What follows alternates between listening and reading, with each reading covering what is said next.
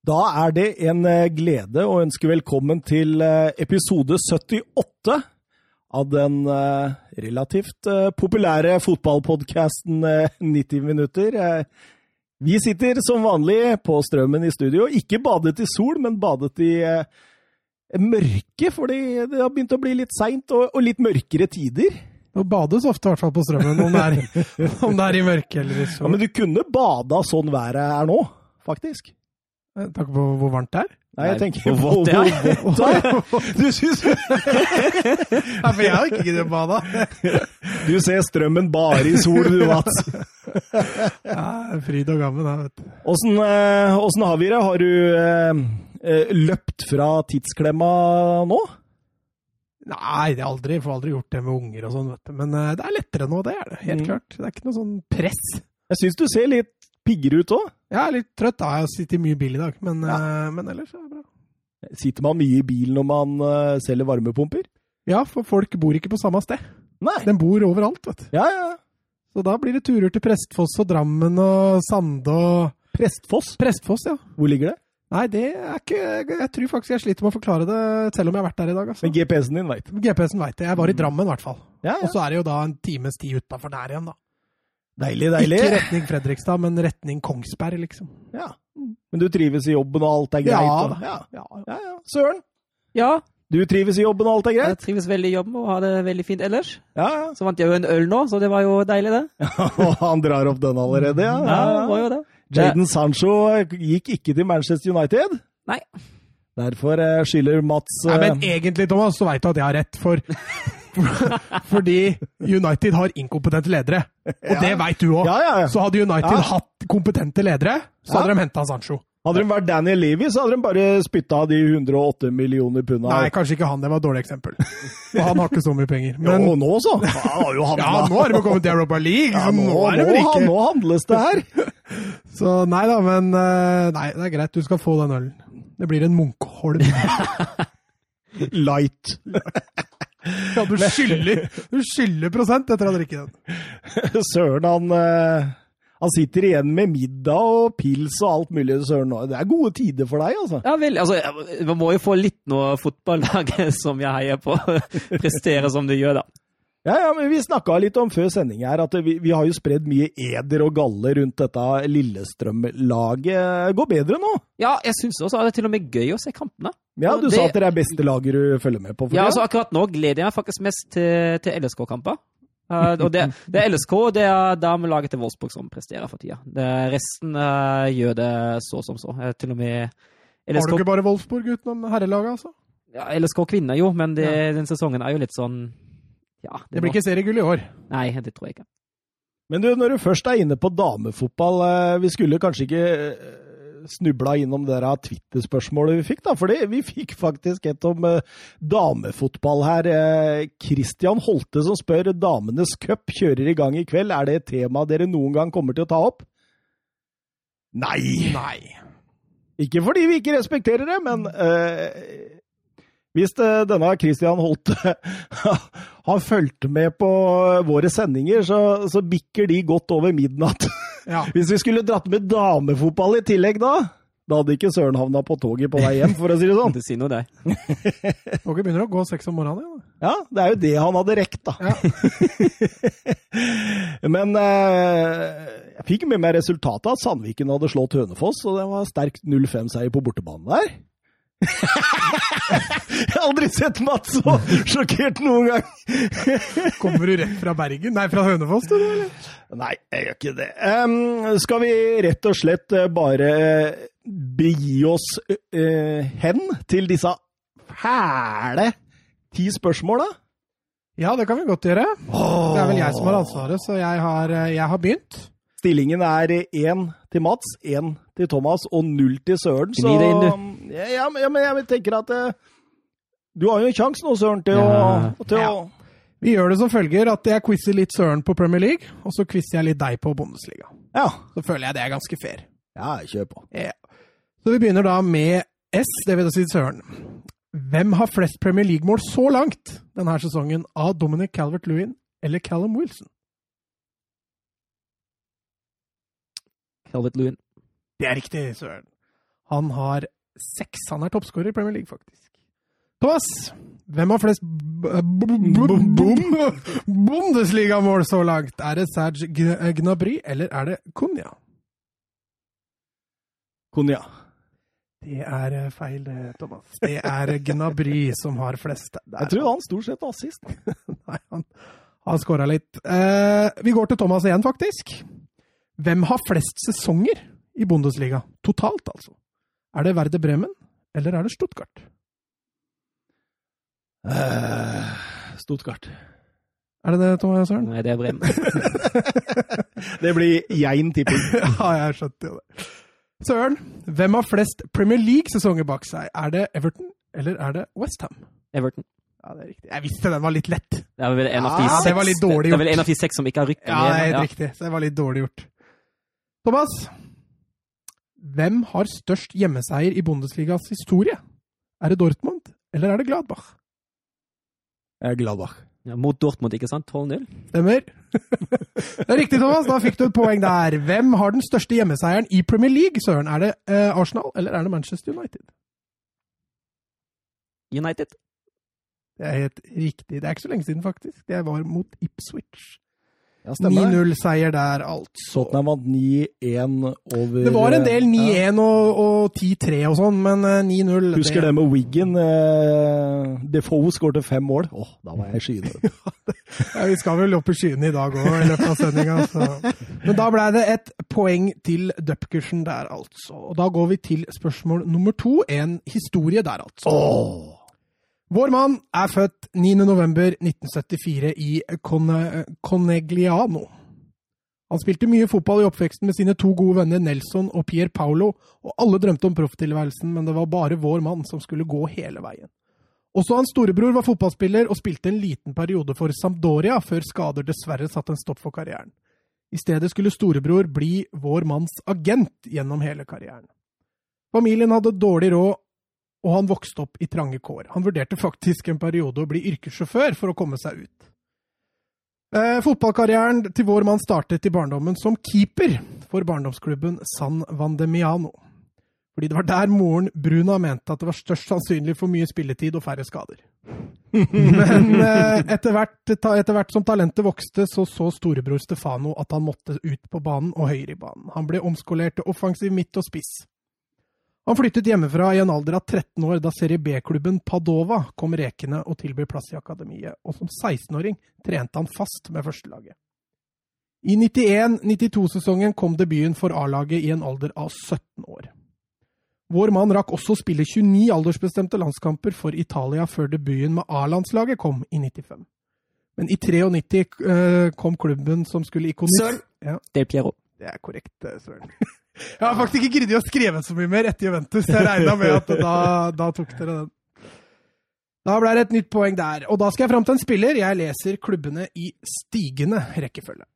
Svolle, Kambur, Wilhelm Schwei, PSV, Manchester United, Lat Thomas. Ja. Van Nistelrooy. Nei! Lazio, AC Milan, Ah, det så dritt. Ajax. Nederlender, altså. Er han fortsatt aktiv? Deres. Eh, ja, ja, ja, på det, Japs, er Japs Det er helt riktig, det, søren. Og nå til en litt fiffig 'hvem skal ut'-typ. Her eh, gir jeg muligheten til å, å hanke to poeng. Oi. To to poeng, altså. Eh, hvis dere treffer riktig på hvem som skal ut, og hvis dere treffer riktig på grunn. Ja, ja, ja, ja, ja, ja. Så selv om Søren svarer for eksempel, hvis Søren svarer riktig, men har feil grunn, så kan du fortsatt redde inn et poeng der, eh, Thomas. Så hvem skal ut? Lucas Tureira, Thomas Party, Matteo Gendosi eller Emiliano Martinez? Søren? mm. Thomas Party har aldri spilt for Arsenal. Har jo det nå. Ikke, nei, jeg har ikke noen kamper for Arsenal ennå. Ja, altså Altså Spilleren er riktig, Uh, men grunnen var ikke helt det jeg skulle fram til. Vil du prøve deg? Jeg vet du hva, jeg, jeg, jeg har egentlig Jeg er så fjern. Jeg husker ikke spilleren engang. Torreira, Party, Gendosi, Martinez. uh, nei, jeg aner ikke. Nei, altså Torreira, Gendosi og Martinez forlot jo Arsenal i det overgangsvinduet her, mens Party kom inn. Ja, ok, sånn sett, ja. Så det, var, det. enkelt, Det liksom. var så enkelt. Ja. Ja. Så da ble det 4-0 der til Søren. Da skal jeg fram til en trener. Jeg leser klubbene i stigende rekkefølge. Ajax, Barcelona Thomas. Mhm. Louis van Gaal. Det er riktig, Thomas! Da slapp du unna smultringen! Det var deilig, det. Spørsmål nummer seks. Hvilke lag pleide å spille hjemmekampene sine på Main Road? Thomas. Ja. Manchester City. Ja da, Thomas! Den var til deg! Den var til deg! Og så skal jeg fram til en Hvem er jeg igjen? Jeg leser noen hint. Og så får dere hint etter hvert. da. Hvor, eh, så får dere bare si navnet når dere vet hvem det er jeg snakker om. Debuterte for Hertha Berlin i 0506. Han gikk til Hamburg i 2007. Søren. Det er Jerome Boateng. Det er riktig. Den var til deg, Søren! Takk og bukke. Men den, den kunne jeg faktisk tatt òg. Ja, hadde du bare altså, sånn- et par hint til der. Ja, men jeg altså- tror jeg faktisk Fordi jeg var på vei i den retning. Ja, okay, ok. Ja. Ja, Da var det vært imponerende. Neste hint hadde jo vært debuten for landslaget, og så City. Så da Ja. regner jeg med i hvert fall du hadde Ja, ja. kommet på banen. Greit, da går vi til spørsmål nummer åtte. Hvilke tre klubber i La Liga har aldri rykket ned?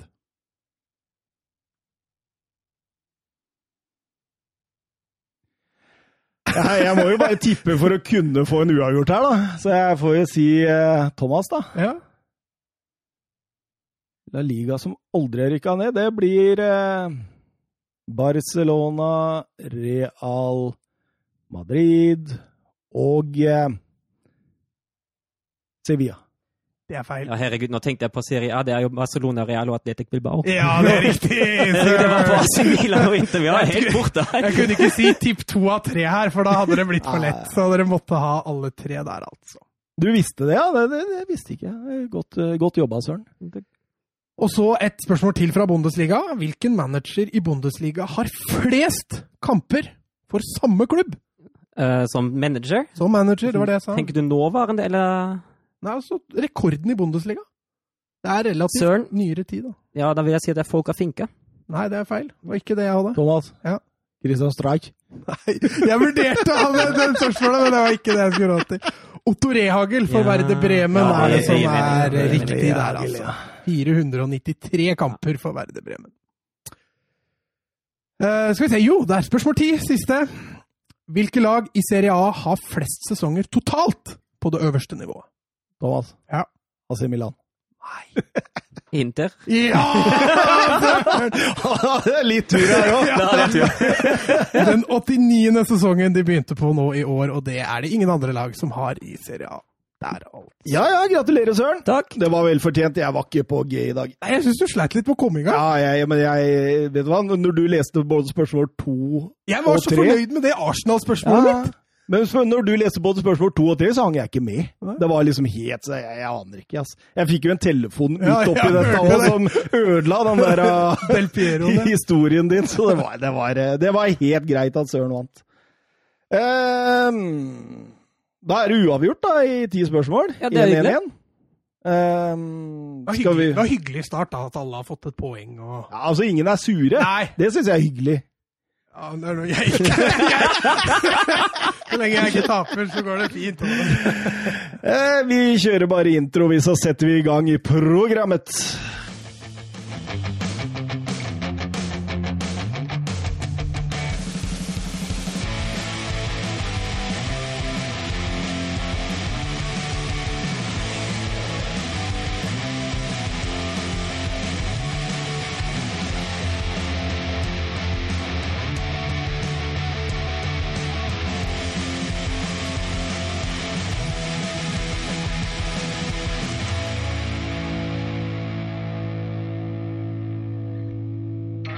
Starter som vanlig i Premier League, og vi starter eh, på Stamford Bridge, der eh, ja, vi hadde et London Derby, vest mot eh, sør.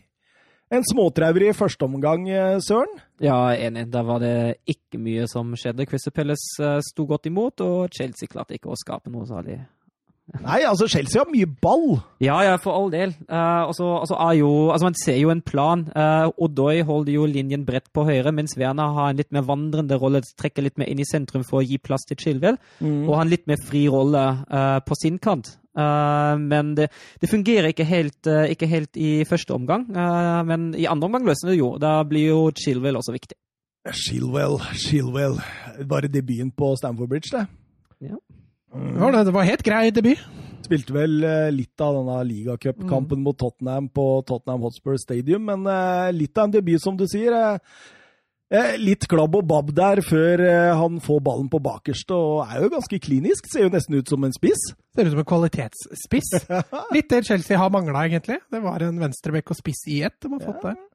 Og 14 minutter etterpå så serverer han jo Kurt Zuma. Ja, dødball. Ja ved andre bølge etter corner der. Mm. Og, så, og, og, dermed, gutta, så er eh, Ben Shilwell den tredje Chelsea-spilleren i Premier League-historien som debuterer med scoring og assist. Di Matteo? Nei. Eh, Gianluca Vialli? Du må til en gammel eh, Barcelona-midtbane. Uh, en gammel? Ja, altså Ja, jo. Okay. Fabregas? Nei, nei, nei. nei. Oi. Gammel, da Ja, En ikke... portugiser. Liten magiker. Deco. Deco, ja. Deco gjorde det i 2008, og så må vi til Spiller Juventus nå. Eh, vi har hatt et veddemål om en Så han har gjort det bra en gang i tida? Altså. Ja, han debuterte og gjorde det sterkt i 2017 der, men eh, Ja, og, og, og, etter dette da, så kjører jo Chelsea egentlig over Crystal Palace, gjør de ikke det? Jo, jeg syns det er enveiskjøring og grei kontroll. Jorginho avslutter jo kampen fra, fra 11-meteren. To hoppestraffer der? Ja da, han spretter dem inn. Eh, etter en bom nå så har han retta opp med to treff i den kampen her. Men i forhold til disse to tyskerne våre, Werner Havertz Jeg synes eh, I starten på sesongen syns jeg Werner så veldig frisk ut, og Havertz så helt ferdig ut. Nå syns jeg nesten de har bytta om. Ja, jeg er enig. Jeg syns Havertz var, var, frisk. Jeg synes han så, han så veldig ålreit ut i den kampen mot Crystal Palace. Selvfølgelig, en, eh, som vi var inne på, en vanskelig kamp i første omgang. Uh, men Werner, det var Jeg lurer på om han, uh, om han kanskje har gått av en liten pause nå. Jeg er ikke sikker. Det, det, sånn. det er litt høye skuldre, virker det som. Litt. Han venter på golden sin. Ja. Jeg tror det er litt det òg. Jeg skal ikke si han er reservert, men han, eh, det hemmer han nok lite grann. Nå har han vel spilt fire kamper. hvis du tar med, Han spilte ikke ligacupen? Jo, jo, jo, jo, jo, jo. Ja, da, da, venter han jo kun på Premier League-målet sitt. da. Mm. Ja. Er jo ikke så ille, da. Ja, Nei, da, men, men, men, jeg syns skuldra er litt høy på han. Altså, han, eh, altså, han forlot jo RB Leipzig tidlig, ville ikke spille Champions League for å komme inn i Chelsea-laget. Det virker som dette er noe han vil 110 inn for. Mm. Så har han blitt litt mer usikker etter en sånn halvtraurig start der. Um, over til Bielsa mot Guardiola. Det, det klinger godt, gjør ikke det? Sånn kultduell. Ja. Og de, de, de, I hvert fall Guardiola roste jo Bielsa vir, virkelig eh, før den kampen. Han, han sa vel at uh, det er greit at jeg har vunnet mange titler, eller flere titler, men uh, Bielsa han forstår mye mer om spillet enn meg. Ja, han har jo tidligere også, som Barca-trener, husker jeg, så var han jo ute og sa at det var nærmest hans uh, taktiske mentor. Ja, det er forbildet til Guardiola på mange måter, det der, og det har han uttalt flere ganger. Ikke bare under tida i Barcelona, men seinere også. så... De har jo møttes tidligere også i, i La Liga, eh, så dette var, eh, dette var, ikke første gang de møttes. Nei. Eh, City fester tidlig et grep og, og, produserer jo voldsomme sjanser. Kevin De Brøne, Ruben Diaz, Ferran Torres, alle kan jo legge 1-0 før Stirling gjør mm.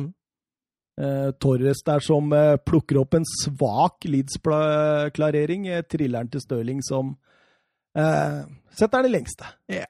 Fortjent ledelse, og da tenker de liksom OK, nå er City i gang. Nå, nå er... men, men, så jobber dette Bielsa-laget seg inn i, i, kampen. Ja, og det er jo noe som vi har sett med City de siste to kampene òg, mot både Wolves og, uh, og Leicester. Uh, tok man jo enda ledelse, og mot Wolves jo enda mer. Og så trodde man jo at nei, nå er City i gang, nå, nå ser dette her bra ut, nå kommer det seg. Og så glapp det. Uh, I alle tre kamper. I hvert fall på det spillemessige mot Wolves ble det jo tre poeng, men det var alt annet enn trygt. Ja, de, de, kommer ut av startsblokkene i 190, og så dabber det utover. og Altså, Nå skal vi tilegne mye, mye ære til dette Leeds-laget, for de jobber jo som et uvær.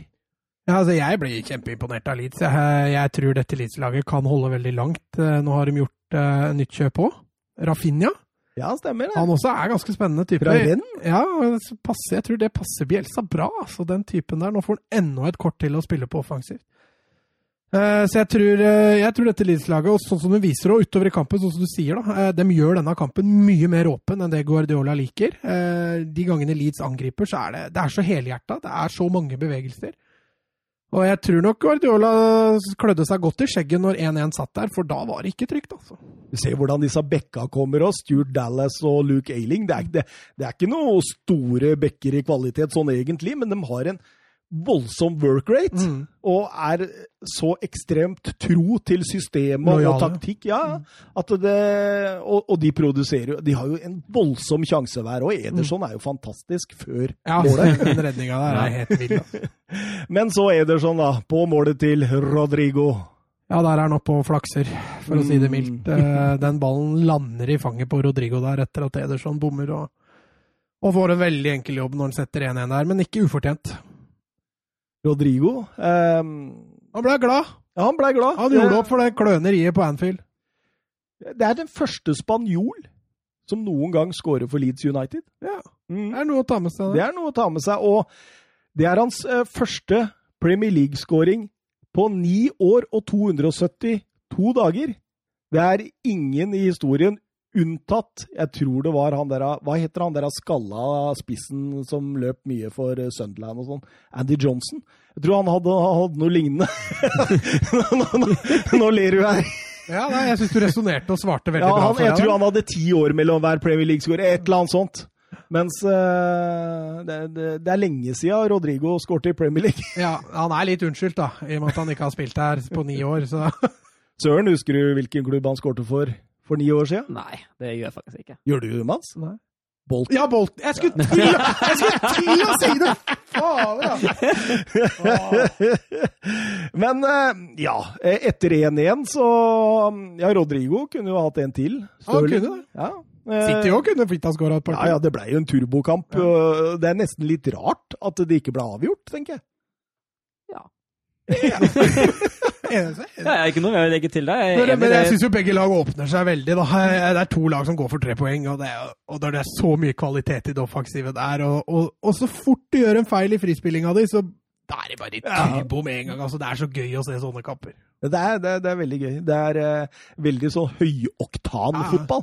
Eh, Og Leeds hadde har, holdt på å si ferdighetene, men de hadde utholdenheten til det. ja, ja. Eh, For City hadde jo mest ball, men eh, Det var gøy. Det var veldig gøy, det, og det er moro å følge Leeds. Mm. Det er moro. ja. Men det visste vi før sesongen òg. Vi gjorde det. Eh, Arsenal, Sheffield United, eh, vi kan si noen ord om det. Snakker vi trøyer i første omgang igjen, da? Ja, det var det jeg skulle fram til. At det, det ligna litt det som skjedde på Stamford Bridge. Ja, enig. andre gangen var ikke mye bedre. Nei Nei, det, Chelsea heva seg i hvert fall 10 Her var det 3 økning Men-. Men jeg syns jo 1-0-målet det, det gjør opp for eh, noe som skjer i den kampen. Det er klasse. Ja. Den oppbygninga og mot etablert forsvar der, og bare fillerister den defensiven til United der, eller Sheffield United. Og mi, i mine notater angående denne kampen, så skriver jeg fire minutter før Arsenal rader opp det angrepet som gir 1-0, så skriver jeg Lett å se at spillet mot etablert ikke er like ferdigutviklet som overgangsspillet. og så får vi den servert rett etterpå. Jinxa! Den- Der du satt hjemme, så jinxa du den skåringa! Jeg gjorde det. Ja, ja, ok. Eh, Nicolas Pepe ordner 2-0. Eh, finner endelig litt bakrom, og da, da sitter han. Ja, tempo har han i hvert fall. Det er ingen som skal ta fra han. Nei, men har han noe mye mer. Han har et skjegg. Det, det, han har et skjegg, ja. Um, og da ser det ut til Arsenal får, uh, har god kontroll, men så, så ut av ingenting, egentlig, så setter McGoldrick inn uh, 2-1, og da, da blir det en liten jakt, altså. Ja, altså Sheffield United har jo fått en fryktelig dårlig start i år, eh, men, men der får de litt sånn Altså, de, De siste minuttene der går jo ene og alene på vilje for Sheffield United, mens Arsenal blir litt sånn nervøse. eh, og den følelsen kjenner vi igjen fra Arsenal fra tidligere. Men akkurat på det her har Arsenal blitt så mye bedre, da, under Ja. Arteta. Ja. Og her blir det tre poeng. Under Wenger Wengers siste periode og under Emery så hadde dette blitt 2-2. Ja, absolutt. Garantert. Jeg er helt enig. Så her har Arsenal helt klart tatt steg, og dette kommer til å løfte dem forbi Tottenham på Hæ? eh, Men statistikken eh, backer litt det du sier, da. Eh, Det er kun Liverpool som har flere poeng hjemme enn Arsenal siden Arteta tok over. Så han har gjort eh, Emirates til fort, rett og slett. Sheffield United derimot går på sin sjuende strake tap i ligaen. Altså, de tapte de fire siste i fjorårssesongen også. Og det har ikke skjedd siden 1976 For Sheffield United. for? Sheffield United. Det er andre lag som har gjort det. Altså. Jeg tenkte jøss, det er jevnt i Premier League. Altså. Eh, hovedkamp, hovedkamp, Ja, du gikk litt fort gjennom de kampene. tenkte jeg, altså, skal ha satt av litt ekstra tid til den hovedkampen. Ja, men vi må jo nesten Det ble sju skåringer. Og, og veldig mye gøy. Ja, det, blei det, ble, det er synd ingen av oss er United-supportere, for det, det hadde blitt artig Det hadde vært en artig, det hadde vært en artig hovedkamp. Eh, Ole Gunnar Solskjær mot Mourinho Manchester United har åpnet sesongen litt keitete, kan man si, mens eh, Spurs i hvert fall tidvis har eh, imponert. United historisk, i nyere historie i hvert fall, et greit overtak på Spurs. De 22 siste matchene har endt 11 United-seiere, 6 Spurs-seiere og 5 uavgjort. Tilsvarende sist sesong, er det noen som husker den? United vant vel Ja, 2-1. det var første gang Mourinho var tilbake, og da skårte Rashford på straffe. Og Mourinho hadde sitt å si om det. Ja, ble 1-0. Nei, 2-1. Ja, det ble 2-1, ja. Ja, Jeg sa ja, jo stemmer, det. stemmer, stemmer. Ally skårte for Spurs, og, og Rashford hadde begge. Ehm, I forhold til laga, Solskjær bytta Lindeløf mot uh, Bailly. Eh, Lindeløf har fått voldsomt mye kritikk i det siste, og han tenkte da at Bailly, fart, ok. Tok en sjanse, tror jeg. Ja, det positive er nå nå er ikke bare Lindeløf som får Han har fått flere i den. Han har fått litt sånn Det er flere som selskap. får høre det, ja. Han har fått selskap. Ja, det er best for Lindeløf å ikke spille den kampen, nei, til slutt. Tror det. Ja, det var en United-supporter jeg har på jobben, han sa det til meg.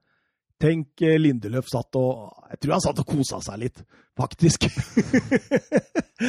Men eh, Mourinho gjorde fem bytter et, eh, fra 1-1-kampen mot eh, Newcastle. Eh, Aurier, Sissoko, Ndombele, Lamela og Regilon var, var i startelveren. Det Betyr litt bredde, det, Mats. Ja, akkurat den Aurier var jeg litt overraska over. Litt surt for managerlaget mitt. For Jeg hadde Dockerty, selvfølgelig. Ja, ja. Og så føler jeg kanskje han er bedre stabilt defensivt, så jeg var litt overraska over at egentlig både Davies og Dockerty ble sittende på benken, men uh, blessing. ja, For, eh, Og du så Sissoko, han hadde sin defensive arbeidsoppgave. ja, men, men jeg så jo også midtbanen til Tottenham gjorde opp for at de hadde høye bekker, for der var det nesten ingen soleklare indreløpere. Nei. Det var tre sittende midtbanespillere. omtrent. muskler. Det var det. Og da klart at da skjønner jeg valget med å kjøre to offensive bekker. Mm. Eh, og når kampen starter, så. Jeg hadde ikke satt meg ned engang. Nei. Nei. Du kom når det var 1-0, du, altså. 28 sekunder, så blåser dommeren på straffespark. Ja, og det som da så ut som skulle bli Davinson Sanchez' eh, klovnekamp, det Han blir jo redda seinere av noen andre kollegaer på andre sida av banen. Ja, for det er eh, ingen som snakker om Sanchez. Det er jo ikke det, Nei. men det er jo fryktelig klønete. Ja. Eh, Og korrekt idømt straffespark. En arm i ryggen der og et bein i hekten der, så er den, den er helt soleklar. Bruno Fernandes, han hopper straffa i mål. Ja, Loris står lenge der og er eh, Hvis han Jeg tror han venter den litt. Ja, han venter, han venter på straffa der. eh, Så hvis han der tør å gamble til riktig side, så tar han den straffa. Mm. Blir stående og vente litt lenge, Ja, og så han blir stående. Ja. Eh, men eh, det tok jo ikke lang tid, Søren, før Tottenham svarte. Nei, og det med god støtte fra det som Mats eh, betegner som klønekollegaer, stemmer nok det. Klovner i kamp. Altså, altså, det, ja, altså, det, er det, noe- altså, det er altså, noe av det mest klønete jeg har altså, sett. og det begynner jo med Pogba, som mener at han må heade den der tilbake inn i boksen, uh, mot Bailly, som da header han videre til Maguire. Og Maguire driver med da, prøver å heade den tilbake til De Rea. Det er jo uh, det, det er jo helt hinsides. Men altså, det, jeg syns ikke det er det Altså, jo, det er verst. Det er en av de verste. Jeg er helt enig. Den Men det Maguire driver med på Shaw Ja, han drar, Han han drar. Jeg skjønner ikke det. Shaw ber jo om frispark! Han skjønner jo ikke hvem som er drar det! Maguire som står og river og drar inn bak der. Altså, det er noe av det mest klønete jeg har sett. Altså, Maguire Er det mulig? Shaw er overbevist om at det er Lamela som Ja. Men, men det hadde jeg jo vært òg, hvis jeg var så. Men der tror jeg Maguire er så opphengt i å rette opp den feilen at han bare river ned alt han kommer over. altså. Lamela han eh, vinner ballen, han, og eh, den blir fri. Der kommer eh, Ndombele og setter 1-1 via Maguire.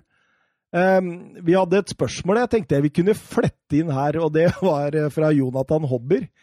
Fikk eh, Thomas eh, enda mer vann på mølla etter helgens Maguire-prestasjon? Selv United-fansen kaller han Phil Jones 2-0 nå. Eh, ja, jeg fikk mer vann på mølla.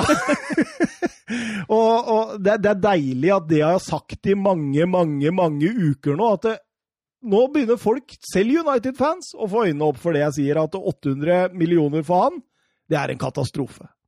Altså, det gikk sånne memes på Twitter og sånt om at uh, folk sto og lo, liksom, og så Ja, det betalte mer for han enn Liverpool gjorde for van Dijk. Den skåringa der, der Dere har jo forsvart den litt? Kan ikke dere altså, komme med litt motbør? Jeg har forsvart i den grad at han har forsterka United-forsvaret. Ja. Det har jeg forsvart. Ja. Men jeg har aldri forsvart at 800 millioner er en bra sum for han. Nei, ok. Det har ikke, det har ikke jeg heller. Nei, ok. ok. Men altså, at han har gått inn altså. og forsterka det United-laget i fjor, utvilsomt. At han gikk inn der og fucka opp totalt for Solskjær nå, det står jeg også for.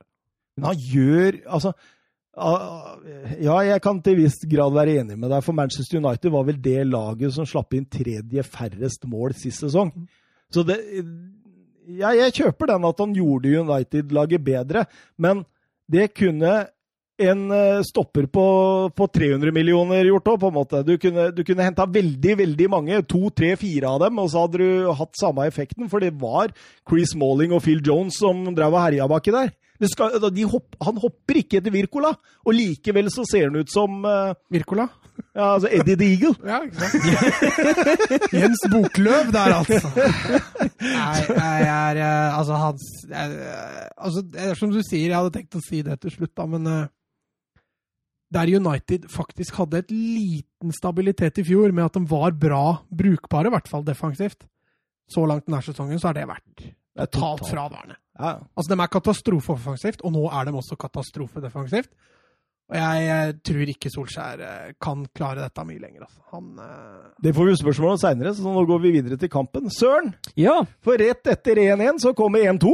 Ja, og da var jo McVier svært delaktig igjen. Eh, da vil jeg jo si at det er alle fire bak der som har sitt å gjøre. Er jo Shaw Nei, Van Bissaka som først taper den hodeduellen først. Og så får sånn en dytt av McVaya, og så sover jo hele gjengen bak. Fordi Kane er kjapp i tankene, sender, Mc, sender sånn i, i bakrommet, og han parkerer jo både Beyi og Shaw og setter han.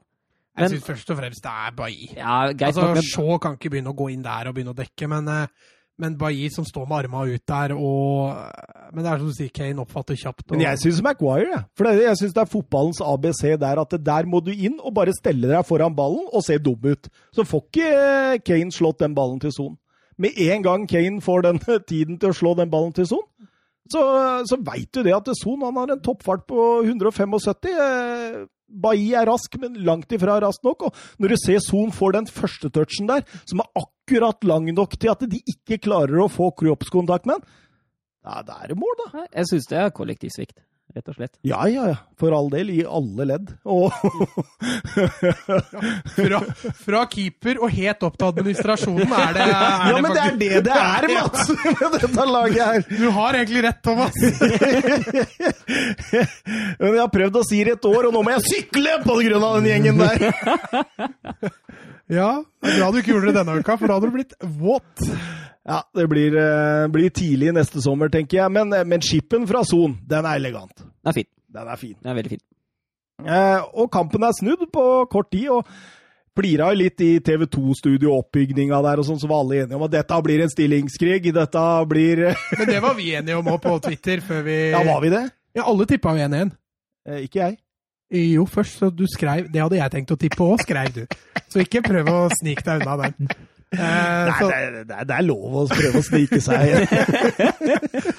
så vi, jeg også forventa en liten stillingskrig. Ikke fordi United er så god offensivt, men fordi de er skulle skjerpe seg litt defensivt. Og fordi Tottenham har jo kamp to dager tidligere, mens United har hatt fire dager hvile. Så jeg ville jo tenkt at det der ville bli jevnere enn det det blei.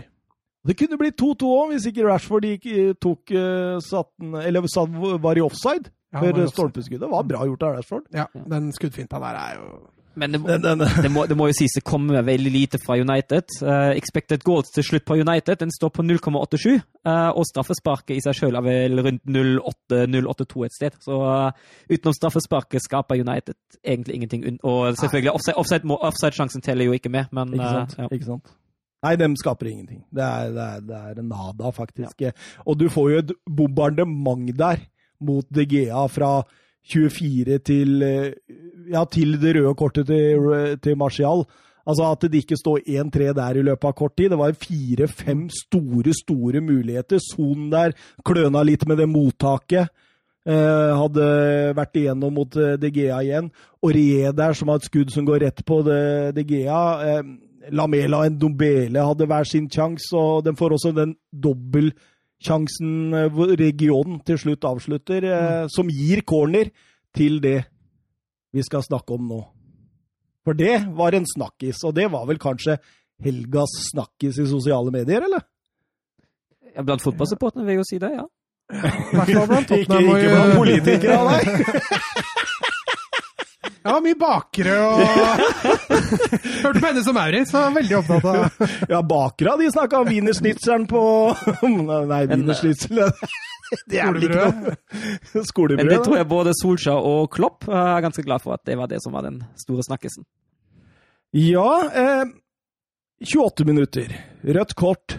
Martial. Da står eh, Martial og, og Erik Lamella og venter på en corner. Eh, Lamela gjør en sånn Sånn som du, du ser veldig ofte når de blir markert på en corner, at man liksom skal dytte seg litt fri rett i forkant.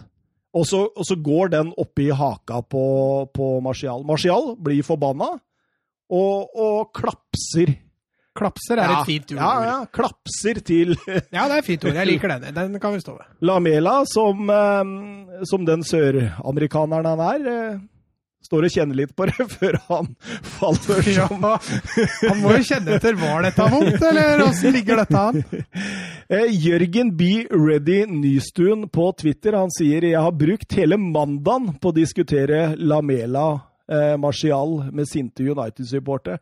Vær så snill å forklare meg forskjellen eh, Vær så snill å forklare forskjellen på skyv, skråstrek, dytt og slag til folket. Eller klaps. Hvis dere tre var dommere Eh, dere fikk se det på skjerm, altså en vareskjerm, tenker jeg, da, og skulle tatt en avgjørelse. Hva ville utfallet blitt? Vi begynner med deg, Mats. Altså, jeg hadde dømt på skjønn. Eh, ikke fulgt regelboka da, så jeg hadde gitt gult kort til begge. Mm. Ja, ja det, er, det er fair nok, det. Eh, Søren? Jeg hadde gitt rødt til Martial, eh, og så tror jeg jeg hadde endt opp med gult for uh, Lamela. Men uh, når det er sagt, uh, får slippe Lamela unna fordi overspilling ikke er filming. Uh, burde nesten ha vært det, fordi en, altså, egentlig, eh, Vi mener jo nesten sånn så rent rent følelsesmessig uh, syns jeg nesten Lamela gjør seg fortjent to gule kort. Den ene får en dytten, og den er jo grei. Den andre fordi han oppfører det som han gjør etterpå. Men det er jo ikke straffbart, så det er greit. Men fortsatt pinlig. Fortsatt pinlig, ja. Em, jeg er enig med deg, Søren. Jeg syns eh, det kan helt klart forsvares i forhold til regelbok. Og eh, jeg tror jeg ikke hadde hatt baller å stå foran Mourinho og si Vet du hva, jeg gadd ikke å følge regelboka, eh, fordi jeg vurderte det sånn. Eh, da tror jeg karriera di kan bli fort kort. Som dommer, Ja, ja. fordi Mourinho ikke liker det. Nei, men fordi du må innrømme at du ikke følger reglene. Nei, det er jeg jo selvfølgelig enig i. Og dommere har, det er samme som hens-regelen. Dommerne må jo forholde seg De til det. de må forholde seg til men, men, reglene. men, men her, altså Du kan jo dømme litt på skjønn nå i forhold til hva er et slag. Ja. Fordi et klaps, altså eh, altså kommer jeg ikke på noen gode eksempler imot da, i forhold til akkurat det, men, Nei, nei. men altså et slag jeg, jeg, Da har du knytta neve, og så ja, jeg, Det tenker jeg på slag, men selvfølgelig på fotballbanen så må man tenke annerledes. Så det klapset da, som du eh, refererte til, altså Nei, altså ja, det kan selvfølgelig Men, forsvares. men, men, men jeg tenker da at uh, hvis jeg hadde vært United-supporter, så ærlig skal jeg være, så hadde jeg følt det dritt. Jeg hadde gjort det. Jeg hadde, hadde sikkert tatt i sosiale medier og forsvart og sånt, jeg også, og, og sagt at uh, ja, det ene og det andre, men Men, men regla står jo der. Og, og, og det, det, sitter profesjonelle dommere og ser på dette og sier at eh, det, det holder. Sånn er det. Det er greit. Da, da, da, må det jo gå, tenker jeg. Men de samme profesjonelle dommere har du sittet og uh, sagt at uh, ikke følger med, da? Nei, nei, nei. nei, nei. Jo, jo, jo. Men, men det, da har de ikke sett situasjonen. ja, så egentlig har du rett. det er sant. Men, altså, men vi kan jo trekke inn en annen scene som ligner veldig, syns jeg, fra denne helgen her. For i Lazio, Lazio mot Inta Uh, da har vi en lignende situasjon med uh, Patrick og Sensi. Uh, jeg syns slagbevegelsen og effekten på Patrick blir ca. det samme som på Lamella her. Mm. Og det ender akkurat likt. Sensi ja, blir utvist, og Patrick får gult kort. Men det er fordi de følger regla. Ja, og det syns jeg er greit. Det er helt greit. og da er det ti mot elleve. Og med et United-forsvar som ikke henger sammen. Ja, om det ikke var feige lag fra før, så er det i hvert fall det nå. Og 30 minutter, rett etterpå, så skal United prøve å spille seg ut med én mann mindre. Ja, og det gikk jo uh... Altså, De klarer jo ikke med like mange heller, så hvorfor Nei, du skal begynne når du har én mann mer mindre? Det, det, er så lite naivt. Ja, Og så gir du ballen da til to av de som kanskje er minst dyktige menn, da, i De Gea og Bailly, da, så da har du det gående. Opp til Matic der. Kane han lukter jo den uh, før ballen er spilt. Ja, og hadde Matic satt på seg tresko så hadde han slått rot. Ja, han hadde, han hadde det. ja, han hadde det. Um, ut i sonen der, som uh, legger han ut igjen til uh, Kane, og får jo enkel jobb å sette 1-3. Ja, der er jo Når det først den feilen skjer, og den begynner å forflytte seg over mot sonen der, så får jo Kane stå mutters aleine. Men jeg tenker også i denne perioden United står så ukritisk høyt. Ja, jeg tenkte akkurat det samme. Uh, mot, med 10 mot 11. Det er jo helt sykt. Altså, ja. ser du, du, ser de første tre. Uh, Fernandes blir jo en form for falsk nia i uh, resten av omgangen. De presser kjempehøyt, og så setter de rekka bak seg i en skikkelig vanskelig situasjon. Fordi plutselig står du med, står du med to sentrale midtbanespillere igjen, som ikke får gjort noe som helst. Uh, og så jeg forsto det ikke heller. Og så, altså, ga jo det høye presset det ga jo null resultater heller. Det var jo klart, Tottenham klarte jo kjempelett å skaffe seg overtall mot ball og bare spille seg ut. Det blei jo autoban på begge bekka der, og særlig Åre sin side. Altså, altså, altså Luke Shaw, hva, hva dreiv han med? Var han oppe på, på tribunen og styra? Men, men, det der Lamela-greiene også, det sleit United å finne ut av. For Lamela trakk seg mye inn, da. Mm. Og det sleit United med å håndtere, for Åre kom rundt og fikk veldig mye plass. Uh, og det fungerte jo ikke, det fungerte jo bra mot 11, og det mm. fungerte jo enda bedre mot 10. Ja, ja. Og du ser også en annen taktisk manøver Mourinho alltid gjorde. Det var å, å være i flertall eh, eh, rett utafor boksen til eh, Spurs hele veien. Altså, han, alltid så falt uh, Høibjerg ned, mm. og, og, på en måte beskytta stoppera, som gjorde at United stort sett var i undertall hver gang de prøvde. og det det er jo som Søren sier, den produserer jo ingenting, og det, og det skal Høibjerg ha mye av æren for, altså. Eller ja. Mourinho, som tegna dette på tavla før kampen. Ja, nei, Høibjerg utførte det, så vi skryter mest av han. Ja, vi ja. gjør det. Vi gjør det. Han, jeg er helt enig. Han, dette er utvilsomt den beste kampen han har gjort uh, så langt, men samtidig også den enkleste, føler jeg. Uh, uh, uten å ta fra Høibjerg noe som helst, så, så, tror jeg han følte at det glei veldig godt i den kampen på han. Ja, absolutt. Og seks minutter etter 1-4 To luker, bort menn. Inn menn. Inn menn, inn menn, ja. Uh, nei, det var sånn som kommer inn på et, uh, på et uh, skråløp inn på første der. United-supportere Nei, supportere, faktisk. Det er mulig de sov òg, men forsvarslinja sov i hvert fall. Og får uh, dytta han inn mellom der. Kanskje det er størst plass når det står i mål, mm. mellom beina. Og der også, ikke sant, det er tellefeil, og Maguire må ut på Markeringsfeil og ikke, ingen, ingen, som følger Nei, løp. Altså, Ma Matic prøver jo å henge litt på sånn, men er jo fem meter unna hele veien. og det er, jo, det, er, det, det, det er tragisk. ja, det, du bruker rett ord. Det er, tragisk, det som skjer der nå. Ja, det er jo for enkelt til å være Premier League. Ja, det er jo det.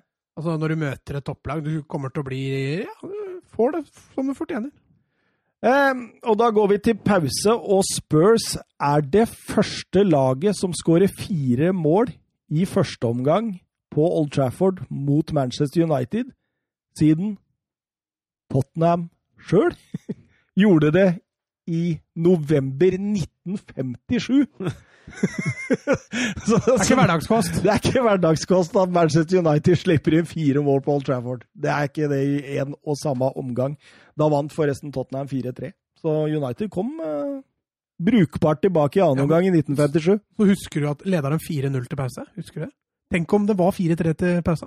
Ja, At United leda 3-0 etter 20 der. Tenk, tenk. Det. Men det, det har nesten skjedd på White Hart Lane en gang. Tottenham leda 3-0. Ja, det, det skjedde. Det. Jeg kom, jeg kom til å tenke på det. Tottenham leda 3-0 og tapte 5-3 i annen omgang. Oh, det er mye stygge mareritt om dette United-laget. Derfor var det litt deilig, det som skjedde nå, da. vet du. Eh, rykter i pausa om at eh, det har vært en skikkelig klinsj. I, i eh, United-garderoben? Ja, ja. Og det er grunnen til at Bruno Fernandes eh, ikke kom ut på. Nå er dette bare rykter foreløpig, men det er jo veldig spesielt å bytte ut Fernandes etter 45. Ja, samtidig, da, eh, hvis du skal tenke taktisk på det, så har han jo ikke bruk for den tieren lenger. Eh, og at United skal spille med noen falsk nier i den, i det, på måten de spiller fotball på, er jo bare tull. Så hvis du skulle beholdt Fernandes på banen der, så måtte du enten dytte han ned, da, Ja. eller gjort en, dytte han ut på kant.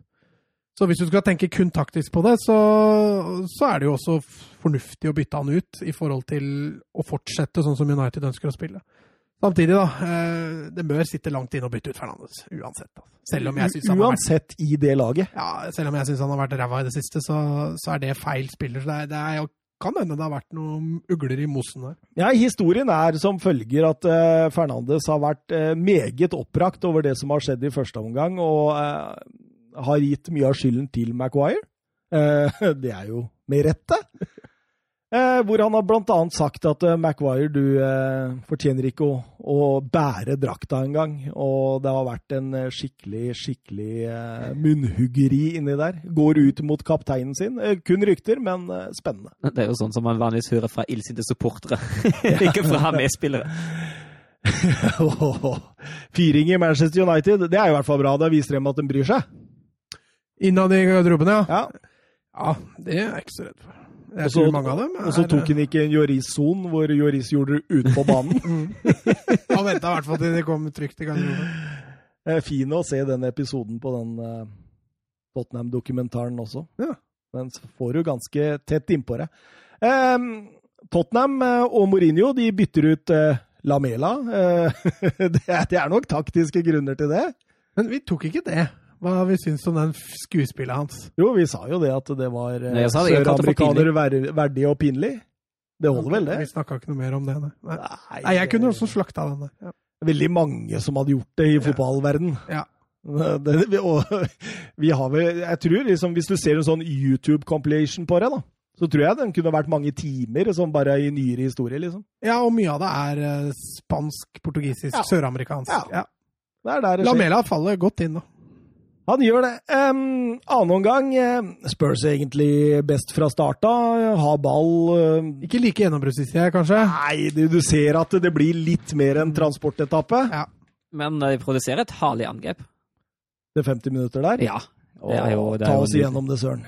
Ja, da er det Mora som uh, trekker inn og møter, og Høibjerg eh, får da ballen direkte fra Mora og sender en herlig stikker ut mot uh, Oria, som kommer seg én mot én med Direa og setter den trygt og fint i Og Rie fri for 147. gang i kampen. ja. Ja, det måtte jo bli et mål til slutt på høyresida der. ja, altså de vendingene de kom jo hele tida, så da har det ikke så Der er det god timing òg. Ja. Det er forskjellen. altså. Når Mora legger igjen den ballen, så er allerede Aurier i fart. Lettere for Høibjerg å slå den på første i det rommet. Hadde Høibjerg måtte bruke to touch der, så hadde de greid å tette igjen det rommet på venstre side.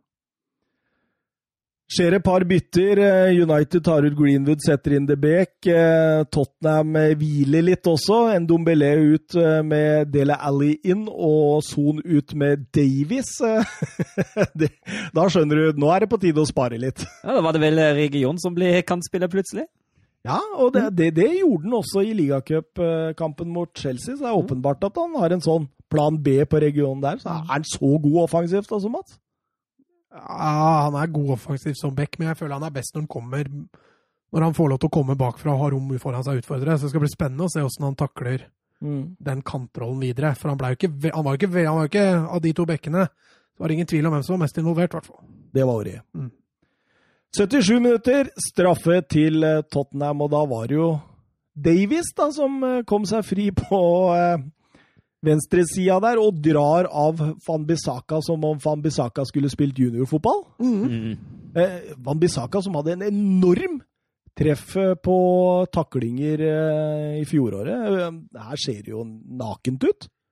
Han trenger jo egentlig bare stå på beina og følge. Ja, og så gir han jo, når han velger å legge seg, så gir han jo Altså, han gir jo muligheten til Davies. Vil du ha et straffespark, vær så god. Her Ja, kan du ta det, liksom. Men eh, det vil ikke Davis da. Men eh, så kommer Pogba. Ja, for den rett etterpå. Det var den rett etterpå, så kommer en ny mulighet, og da, da får Davies han får ballen litt bak seg. Ja, Og da er det naturlig for han Vet du hva, jeg løp, fortsetter Ja, bare å løpe. Løpe, så, så blir jeg tatt. Det er jo kjempeurutinert av både Pogba og, og Van Bissaka.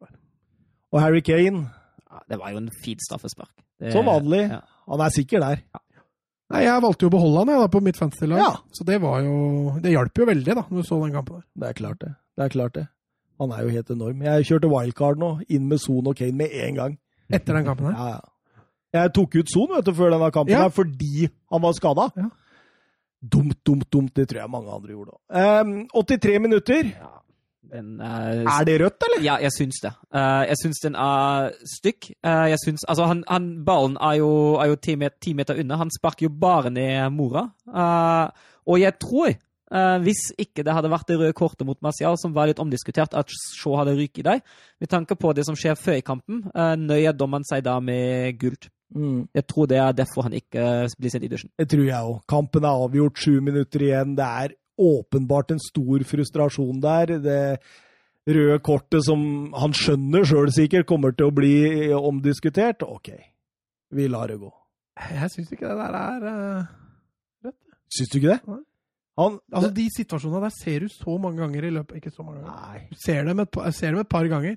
Det blir aldri rødt. Jeg husker ikke hvilken det var mot, men Tottenham fikk eh, Fikk eh, Altså motstanderen til Tottenham i fjor eller forfjor fikk et rødt kort for akkurat det samme. Hadde ikke kjangs til å ta ballen. Du, du, du, du har ikke kjangs. Så bare går du inn hardt. Og bakfra. Jo, jo, men én ting er hvis du blir fratatt en åpenbar skåringsmulighet. Jo, men her går man inn hardt bakfra uten å, kunne ta ball. Altså, ballen er eh, Jo, jo, ja, ja, altså kynismen i det er jeg helt enig i. Det er et kjoleklart gult kort. Men det er, kjole, kjole, kjoleklart. Kjoleklart! men, eh, men det er jo, det er jo en beinkrok. Ja, Han spenner jo bein på den. Det er en hard beinkrok, hvis vi kan kalle det det. ja, det er en hard beinkrok. Ja, det er jo det. Jeg syns det er soleklart. Det. Men, eh, men isolert sett og så tenker jeg det er greit av dommeren å la det gå på grunn av sånn kampen var. tenker jeg. Tenker du egentlig det? Ja, ja men den, på dette tidspunktet det så er vi jo der, der er vi jo oppe. Ja, men da tror jeg han hadde gitt rødt kort. Jeg tror det. Men eh, det cruises jo inn til uh, seier, dette, og uh, selv om Kane han ville virkelig ha hat tricket sitt her Det hadde blitt hans 15. hat trick hvis han hadde i Tottenham-trøya. Eh, Av spillere som er aktive i dag, så er det bare Ronaldo, Messi og en eller annen til, tror jeg, som har flere hat trick. Så han er en hat trick-konge, han Mr. Harry Kane. Lewandowski begynner vel å få en del hat trick, han òg. Lewandowski begynner å få. Aguero har vel en del hat trick. Ja, men eh, likevel ikke oppi den klassen. Ehm, skal vi eh, ta banens beste? Mats? Jeg har tre stykker, det er ikke så farlig med rekkefølge, egentlig. Eh, Kane, Son og Aurier. Ja, jeg har de samme tre. Jeg har satt meg i min rekkefølge. Jeg har sett Son på tre, Kane på to og Aurier på én. Men jeg kunne også ha vurdert Høibjerk og Sissoko, som jeg også syns spilte en god fotballkamp, men litt mindre spektakulært. Men ja, jeg er enig, Høibjerk er litt slitsomt å ikke ha med, faktisk. Det er faktisk det. Ja, det er det. Eh, det samme sleit jeg med. Så jeg har skrevet Son på topp. Tre poeng, tre poeng, tre stjerner. Ah, var fantastisk. Eh, Harry Kane, ehm, selvsagt. Så har jeg skrevet Aurier Høibjerg. altså skråstrek. Jeg, jeg, jeg måtte ta et valg nå, og siden dere to har Aurier, så tar jeg Høibjerg. Ja. Så har vi Nine. Aubjerg, da, kan du ha. Aubjerg. Um, jeg tror faktisk jeg ville valgt hele Spurs-laget foran første United-spiller her. Jeg kan ikke se én United-spiller som var bedre enn noen av de som var ute på Spurs. Nei, jeg sliter med det òg. Eneste som trekker det, er den skuespillinga til Lam- Lamela, men han Ja, men spiller jo han ingen var dårlig kamp. Nei, sånn sett, han, så det blir, han er jo eh, grunnen til eh, 1-1. Sanchez så har jo en fryktelig involvering der på 1-1. da, Han Men får eh, enkle arbeids... forsvaret til Tottenham, spesielt midtforsvaret Dyer og Sanchez, blir ikke satt på noen ordentlige prøver. nei, ikke nei, sant? Loris, hva er det han har, da? Ja, han gjør er bare straffeforsøket, ellers er jo han nesten ikke i arbeid. Harry Kane, tre mål og seks assist. Det er ni målinvolveringer på fire Premier League-kamper, og vi må tilbake til Tiar Ary i 04-05-sesongen for å finne lignende tall. Så det er en god åpning på sesongen for eh, Harry Kane. Og Manchester United eh, slipper inn seks mål kun for tredje gang i Premier League-historien. De gjorde det også mot Southampton i 96 og Manchester City i 2011. Den husker vi. Den husker vi. Why always me? Eh, vi fikk voldsomt med Twitter-spørsmål rundt denne kampen. Vi kan begynne med Petter Støvland. Hvor digg tror dere dette var for José Mourinho? Jo, det tror vi var voldsomt digg. Eh, Søren har vært veldig på at Mourinho ikke kan offensiv fotball. Kort fortalt, kan du sette deg ned med Solan Gundersen? Hæ? Gundersen. ja. Dette er det med Solan Gundersen, da. Solveig Gulbrandsen. ja, men hun heter Sola Gulbrandsen på Twitter. Ja, ja. Og spise i deg de ordene snart. Ja, det må jeg vel snart gjøre. Hvis det, hvis det fortsetter Hvis det sånn. fortsetter sånn, så Nå må dere slappe av. Det har gått tre kamper. Ja, jeg vet det. Jeg, jeg, jeg, skulle, jeg skulle til å si det. At eh, jeg, jeg venter litt til før jeg sier I stand corrected. Jo, jo, Eh, men, men, men samtidig, da. De siste par ukene nå. Eh, Newcastle-kampen. De karnefla jo Newcastle, egentlig. Eh, så drar man eh, til ligacupen mot Chelsea, hvor de egentlig i annenomgangen der er Chelsea fullstendig overlegne. Da spiller Tottenham et redusert lag, men Chelsea er stort sett alle A-spillerne sine på banen. Eh, drar eh, for eh, Makabi Haifa. 7-2. Drømmefotball. Og så dette. Det er jo i hvert fall en viss utløsning her, da. Ja, og det er jo, altså det er jo altså Jeg klager jo ikke. Jeg syns det er hyggelig at det, blir, eh, at det blir spilt offensiv fotball. Det er helt greit, og jeg har ikke noe problem med å, med å innrømme at jeg tar feil. Så, så, så det du sier da, Søren, er at du kontakter Solan Gundersen, Asap Suli, og så sitter dere og spiser i dere. Nei, men det, altså det kan godt hende at jeg Er det han i snart- ja. Det kan godt hende at jeg snart må, må spise de òg, og at jeg har tatt feil der. Men uh, vi får se utviklinga litt til. Vebjørn Fredheim, sitter Solskjær til jul? Uh, til jul sitter han i Molde hjemme og Det er det. Nei, Han spiller ikke juleprogrammet for- i Jeg Premier tror det han er ute etter, er om noen er villig til å vedde en sykkeltur. For om han sitter Mats? Nei, det har ikke. Fordi det der inkompetente styret til United, det stoler jeg faen ikke på. Nei, det, han kan sitte fram til jul 2028, han. Ja. Med 17. og 15. plasser er ikke noe problem. Didrik Tofte Nilsen, OK, la oss stikke fingeren i jorda. Solskjær har ikke dette nivået inne. Hvem bør ta over skuta? Vi nevnte Pochettino før. Eh, vi kan vel nevne Pochettino igjen. Pochettino igjen. Bielsa. Ja, det hadde vært fint. Det Det hadde vært hadde vært helt nydelig. Men å gå fra Leeds til United er vel ikke helt uh... Julian Nagelsmann hadde vært en som hadde sikkert kunne tatt dem fra neste sesong. av. Det hadde vært bra. Det hadde vært morsomt. Uh, jeg har flere på blokka. Allegri har blitt litt kjedeligere i fotball, men likevel solid. Uh, hadde vært fint. Uh, kanskje Conte er ledig snart, hvis Van Gaal er vel ledig? Van Gaal, ja. Nei, men Pochettino er jo den åpenbare. Jeg håper ikke de gjør det, fordi da tror jeg de får en enorm oppsving. Men jeg håper. Eh, siste resultattipset, det må vi ta med. Mats tippa 2-1, Søren 1-1, Thomas 1-2. Det betyr at det er kun Thomas som får poeng, og drar ifra der, i hvert fall. da. Om ikke annet. Om ikke annet. eh, Ti spørsmåla ble en nedtur i dag. Over til Aston Villa-Liverpool. Vi kan jo sløyfe innom den. Det var vel et par, det var vel et par ting som skjedde der òg. Ja, den den var jo ikke ferdig, den Premier League-kvelden. Nei, du så satt jo enda mer sjokkskada utover den søndagen. Ja. Ja. Alle, ja, men i alle dager, hva er det som skjer, Mats? Nei, dette Villa-laget gikk rett i strupen på, på Liverpool, og jeg syns Liverpool så slitne ut. De så litt uinteressert ut, egentlig. Det var ikke dette Liverpool-sprudlende greiene vi så. Det var neste Liverpool som var litt mer possession-orientert, istedenfor Mm. å være det fremoverretta maskineriet med ekstremt høyt press. Og... Men eh, Villa var veldig gode. De var flinke til å spille av Liverpool-presset tidlig for å få flytta laget høyest mulig i banen, og hvis de ikke lyktes, så slo de bare langt. Mm. Ja, Og det fungerte. og Og så, så syns jeg de var imponerende. Altså, fordi de, de fant akkurat den riktige balansen mellom, oss, mellom å være modig og høy i presset. eh, som de, var, de var jo veldig høye i starten, og så varierte de presshøyden ekstremt godt, syns jeg. Så hvis de var flinke til å presse høyt når de hadde anledning til det, til å stå høyt, som du sier, vinne andre baller, eh, komme seg i god posisjon av deg, men også til å, til å stå forholdsvis kompakt rundt egen boks hvis situasjonen krevde det. Og så var de veldig bevisste på å angripe rommet bak bekkene. Mm. Eh, Det var mye som skjedde på Graylish og 3CG. Men jeg tenker dette er Liverpool-laget òg. Mangla jo Mané. Eh, mangler jo ja, disse midtstopperne sine.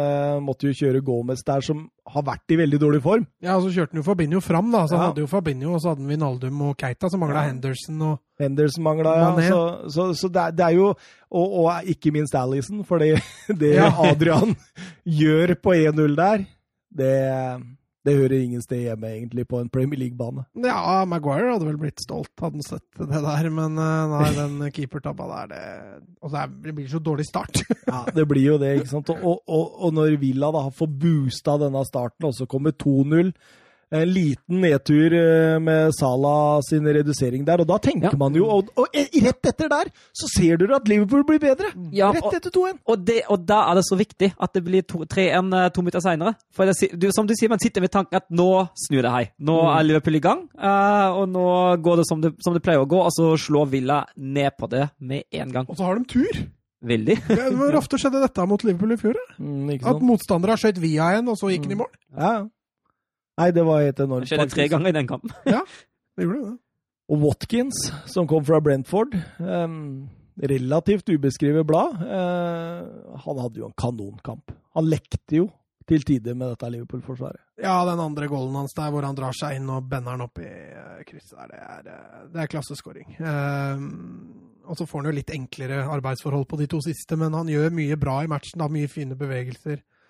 Kan vise seg å være et glimrende kjøp, det der, altså. Ja, ja, ja. Helt fantastisk. Eh, Men altså Når du får Ross Barkley til å se ut som Zinedine Zidane, da er det jo et eller annet som er feil i dette Liverpool-laget. Ja, var det Liverpool som fikk han til å se så god ut, altså? Ja, ja, det- det Altså, han, han var jo mot han var helt enorm. Ja, han var også så, Jeg kjørte den rett inn på fancy. Og såpass. ja. Rett inn. Rett inn sammen og, med så, så du har brukt wildcardet ditt? Wildcardet. Har du gjort det nå før landslagspausen? Ja, for da, da sitter jeg og ruger hele landslagspausen, vet du. Ruger. Ja, for da, da kan jeg Da kan jeg jo bruke hele landslagspausen på å flekke på laget. Ja, så du har ikke lagra? Jo, du lagrer jo, men du kan jo bytte fritt Å, ja, sånn. til Ja. eh, ja. Kan ikke regla, eller vet du. Det er ikke rart jeg sliter med å få til det der fantasy-greiene. Ehm, men eh, det var helt fantastisk, Aston Villa. Gratulerer så mye Ja. til alle Aston Villa-fans. det, det som jeg syns er, er imponerende gjort av Aston Villa der, uh, hvis du ser litt i, i andre omgang òg, står 5-2. Uh, og så er det en periode der Liverpool triller ball bak, som om de hadde ledet 5-2 sjøl. Og det skyldes bare at Aston Villa er så gode til å tette, er så gode til å stå i mann, og så gir Liverpool ingen muligheter til å komme seg framover. Og det er, det er imponerende og sterkt. Når Grealish setter 6-2 og 7-2 der, altså står Klopp faktisk på sidelinja. Og ler. Ja. Ja. Det, det, det sier egentlig alt om det. Eh, Det var relativt eh, beherska også etter kampen, Klopp. Eh, Gratulerte Aston Villa med en strålende kamp. Det var vel ikke noe, ikke noe annet å skylde Nei, på der. jeg skal gjøre det. Taper 7-2, og du taper faktisk fortjent. Du har ikke nok ballen mest, men jeg syns Villa De er mye mer effektive enn Liverpool, det skal sies, men eh, de skaper ikke noe mindre enn Liverpool i den kampen. Jack Grealish, to mål og tre assist. Fem målpoeng. Aldri skjedd mot Liverpool noen gang at noen har klart det i Premier League-historien. Ja, det hengte opp på veggen, faktisk, hadde jeg vært eh, Jack Grealish. Det er fantastisk. Eh, Liverpools er, Liverpool er den første regjerende mester til å slippe inn sju mål siden Arsenal gjorde det mot Sunderland i 1953. og i eh, april 1963 er sist Liverpool slapp inn sju mål i den øverste divisjonen. Det var 7-2 mot Tottenham Hotspur. Ja, da fikk du dratt inn Tottenham der òg. Åh, jeg drar inn Tottenham hvor som helst, Mats. Hvor som helst. Sitter i kirken, jeg, og drar inn Tottenham. Eh, Sandra hun hadde et spørsmål til oss på Twitter. Eh, Hei, Sandra. Eh, har Dean Smith funnet en oppskrift på hvordan man slår i Liverpool? Eller tenker dere dette var one of a kind? Stå på, jeg digger dere, står her. Oi, oi, oi. Jeg, jeg syns jo absolutt han har, han har gjort det. Uh, det er jo Jeg, jeg syntes det hadde innimellom litt likhetstrekk mellom uh, den kampen vi snakket om forrige gang, uh, Hoffenheim mot Bayern. Jeg syns det var, var, noe likt der òg, og det er jo det er jo den, den kombinasjonen av å være litt modig, samtidig tette, og være kjappe i bakrom der det er rom, som sånne lag igjen ikke liker. Og vi har jo sagt tidligere at Bayern og Liverpool er ganske like sånn spillemessig. Så jeg, jeg, jeg, jeg kjøper den, jeg, Søren. Mm. Uh, men kan alle lag gjøre dette mot Liverpool, Mats? Nei. Nei. Og det, er, altså det, handler litt om den eh, Jeg syns de er veldig bevisste på det. De har åpenbart trent på det, spesielt i rommet bak bekkene. Dype løpet til Ross Barkley. Altså, de hadde spillertypene da, som er så gode på det de er. De, og når de da i tillegg har fokus på det Mulig Liverpool hadde en litt off dag også. Eh, hadde ikke den flyten de vanligvis har. Så det er klart, det, det også trenger du. Men 7-2, det Jeg tror ingen andre lag kan drømme. altså, du kan legge en så perfekt plan du bare gidder. Du kommer ikke til å slå Liverpool med fem mål igjen. Altså. Nei. Det skjer ikke. Nei, nei. Men det må, jo, det må, jo, nevnes at Esten Villa gjorde jo to gode kamper mot Liverpool forrige sesong òg. Mm. Det var jo Den, eh, den hjemmekampen ledet vi lenge 1-0, og så var det to ganger Mané som kom og ødela helt på tampene. Og en bortekamp var det vel 2-0, endte vel 2-0, men da hadde ikke Liverpool særlig mange sjanser. En ganske sjansefattig kamp 20 minutter før slutt. Så Dean Smith har funnet en oppskrift? altså? Ja, det virker jo litt sånn at han, han har funnet ut og det opp for det, i hvert fall. Og nå har han funnet ut av å angripe sjøl òg. ja, det blir spennende. Har, jeg, jeg, er glad vi i hvert fall ikke sendte Villa ned på tabelltipset vårt. jeg. Veit du hvem de møter neste runde, Liverpool? Everton. Ja. Everton, ja. Det blir jo et strålende oppgjør, da. Den kampen blir digg. Oi, oi, oi. Det er nesten hovedkamp, det. Og Villa møter Leicester, så det blir toppoppgjør. Ja, tenk det. Toppoppgjøret. Leicester mot Villa. Å, det er gøy, det er gøy.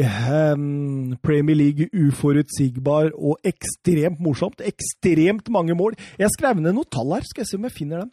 Jo, det har blitt skåret 144 Premier League-mål på 38 kamper.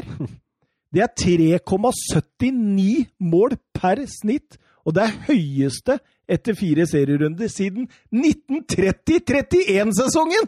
Og Da var det mye lettere å skåre mål. Snakk om underholdning! men det er litt sånn der, Jeg veit ikke hvor mye korona og dette merkelige oppkjøringa har betydd, men det er åpenbart at flere av topplaga da, sliter litt. Ja.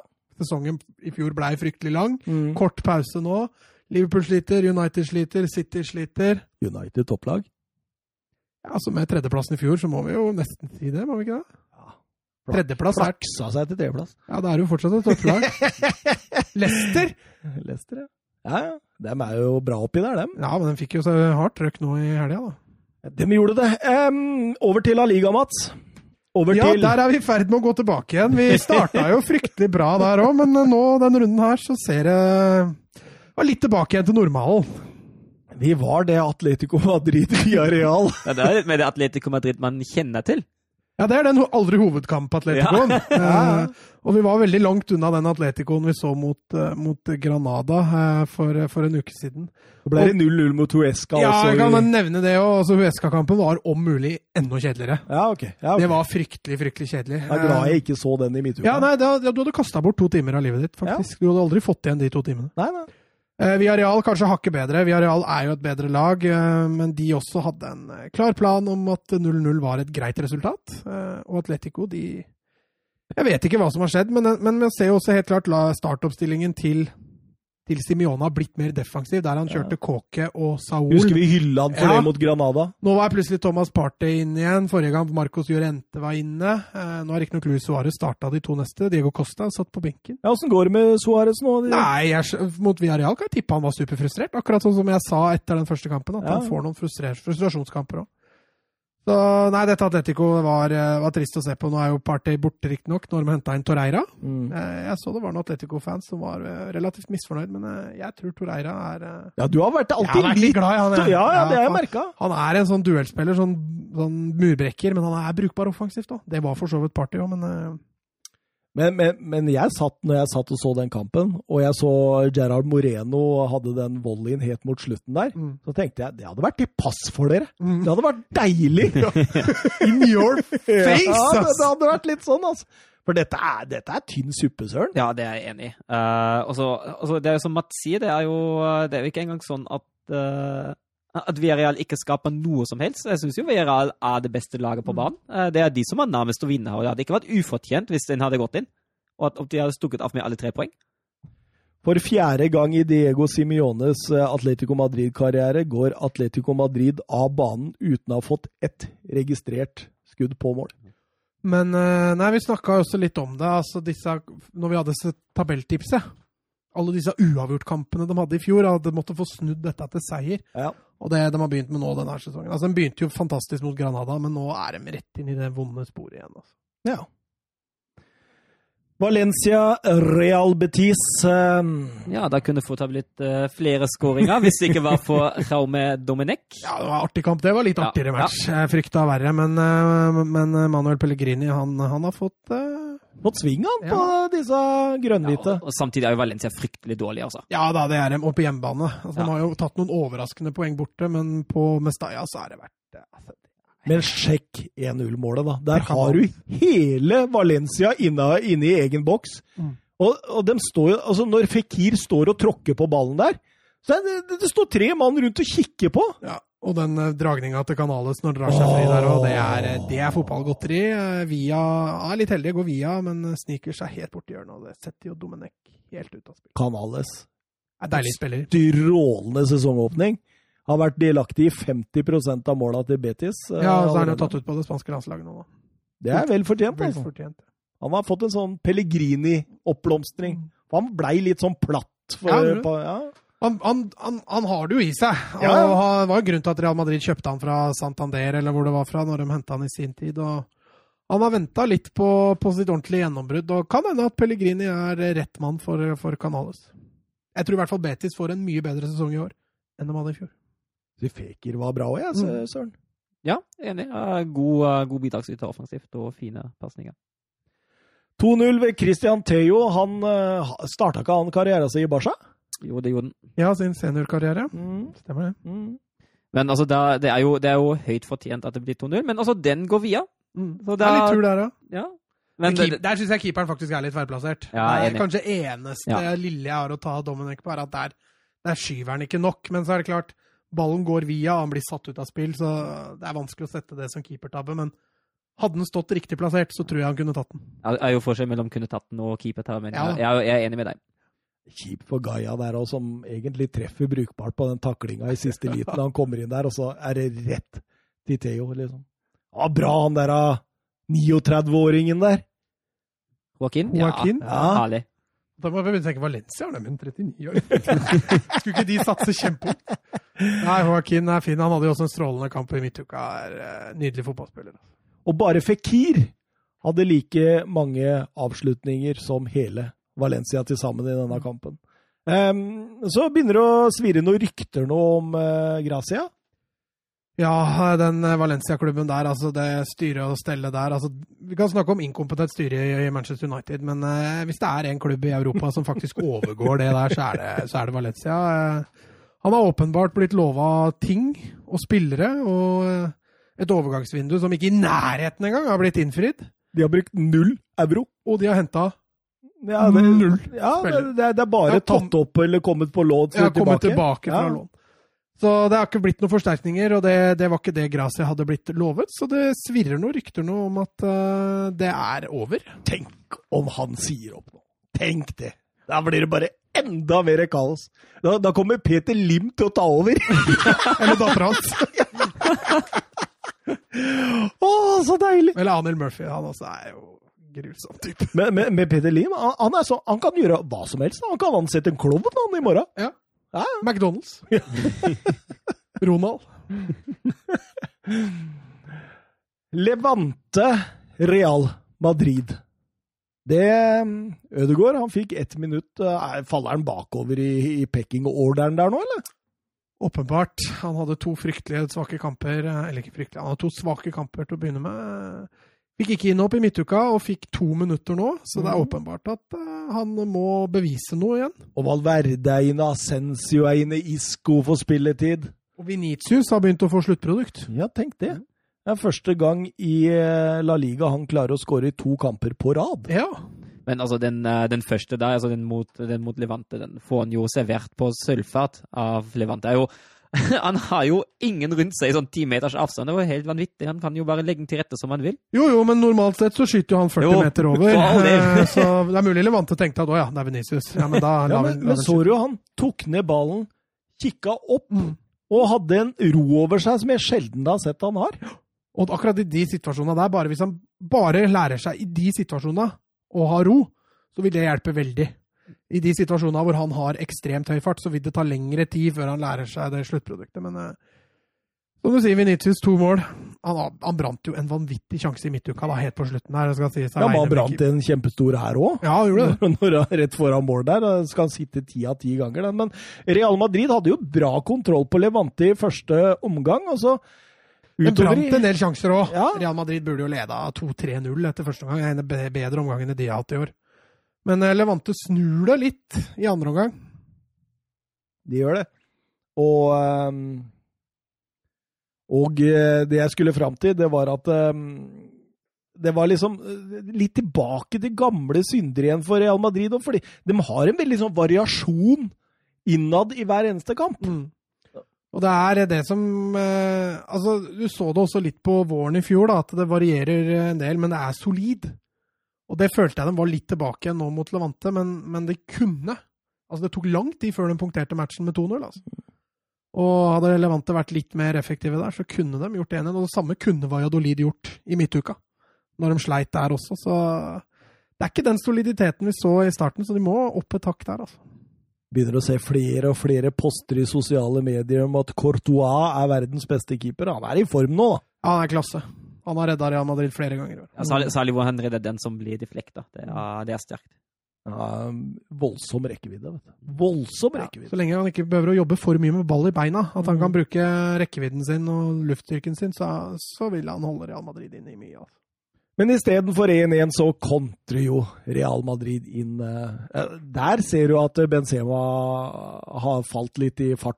Ja, men du ser også det at det er ikke så ofte du ser Benzema i de situasjonene lenger. Nei? For han faller bare dypere og dypere han for hvert år som går.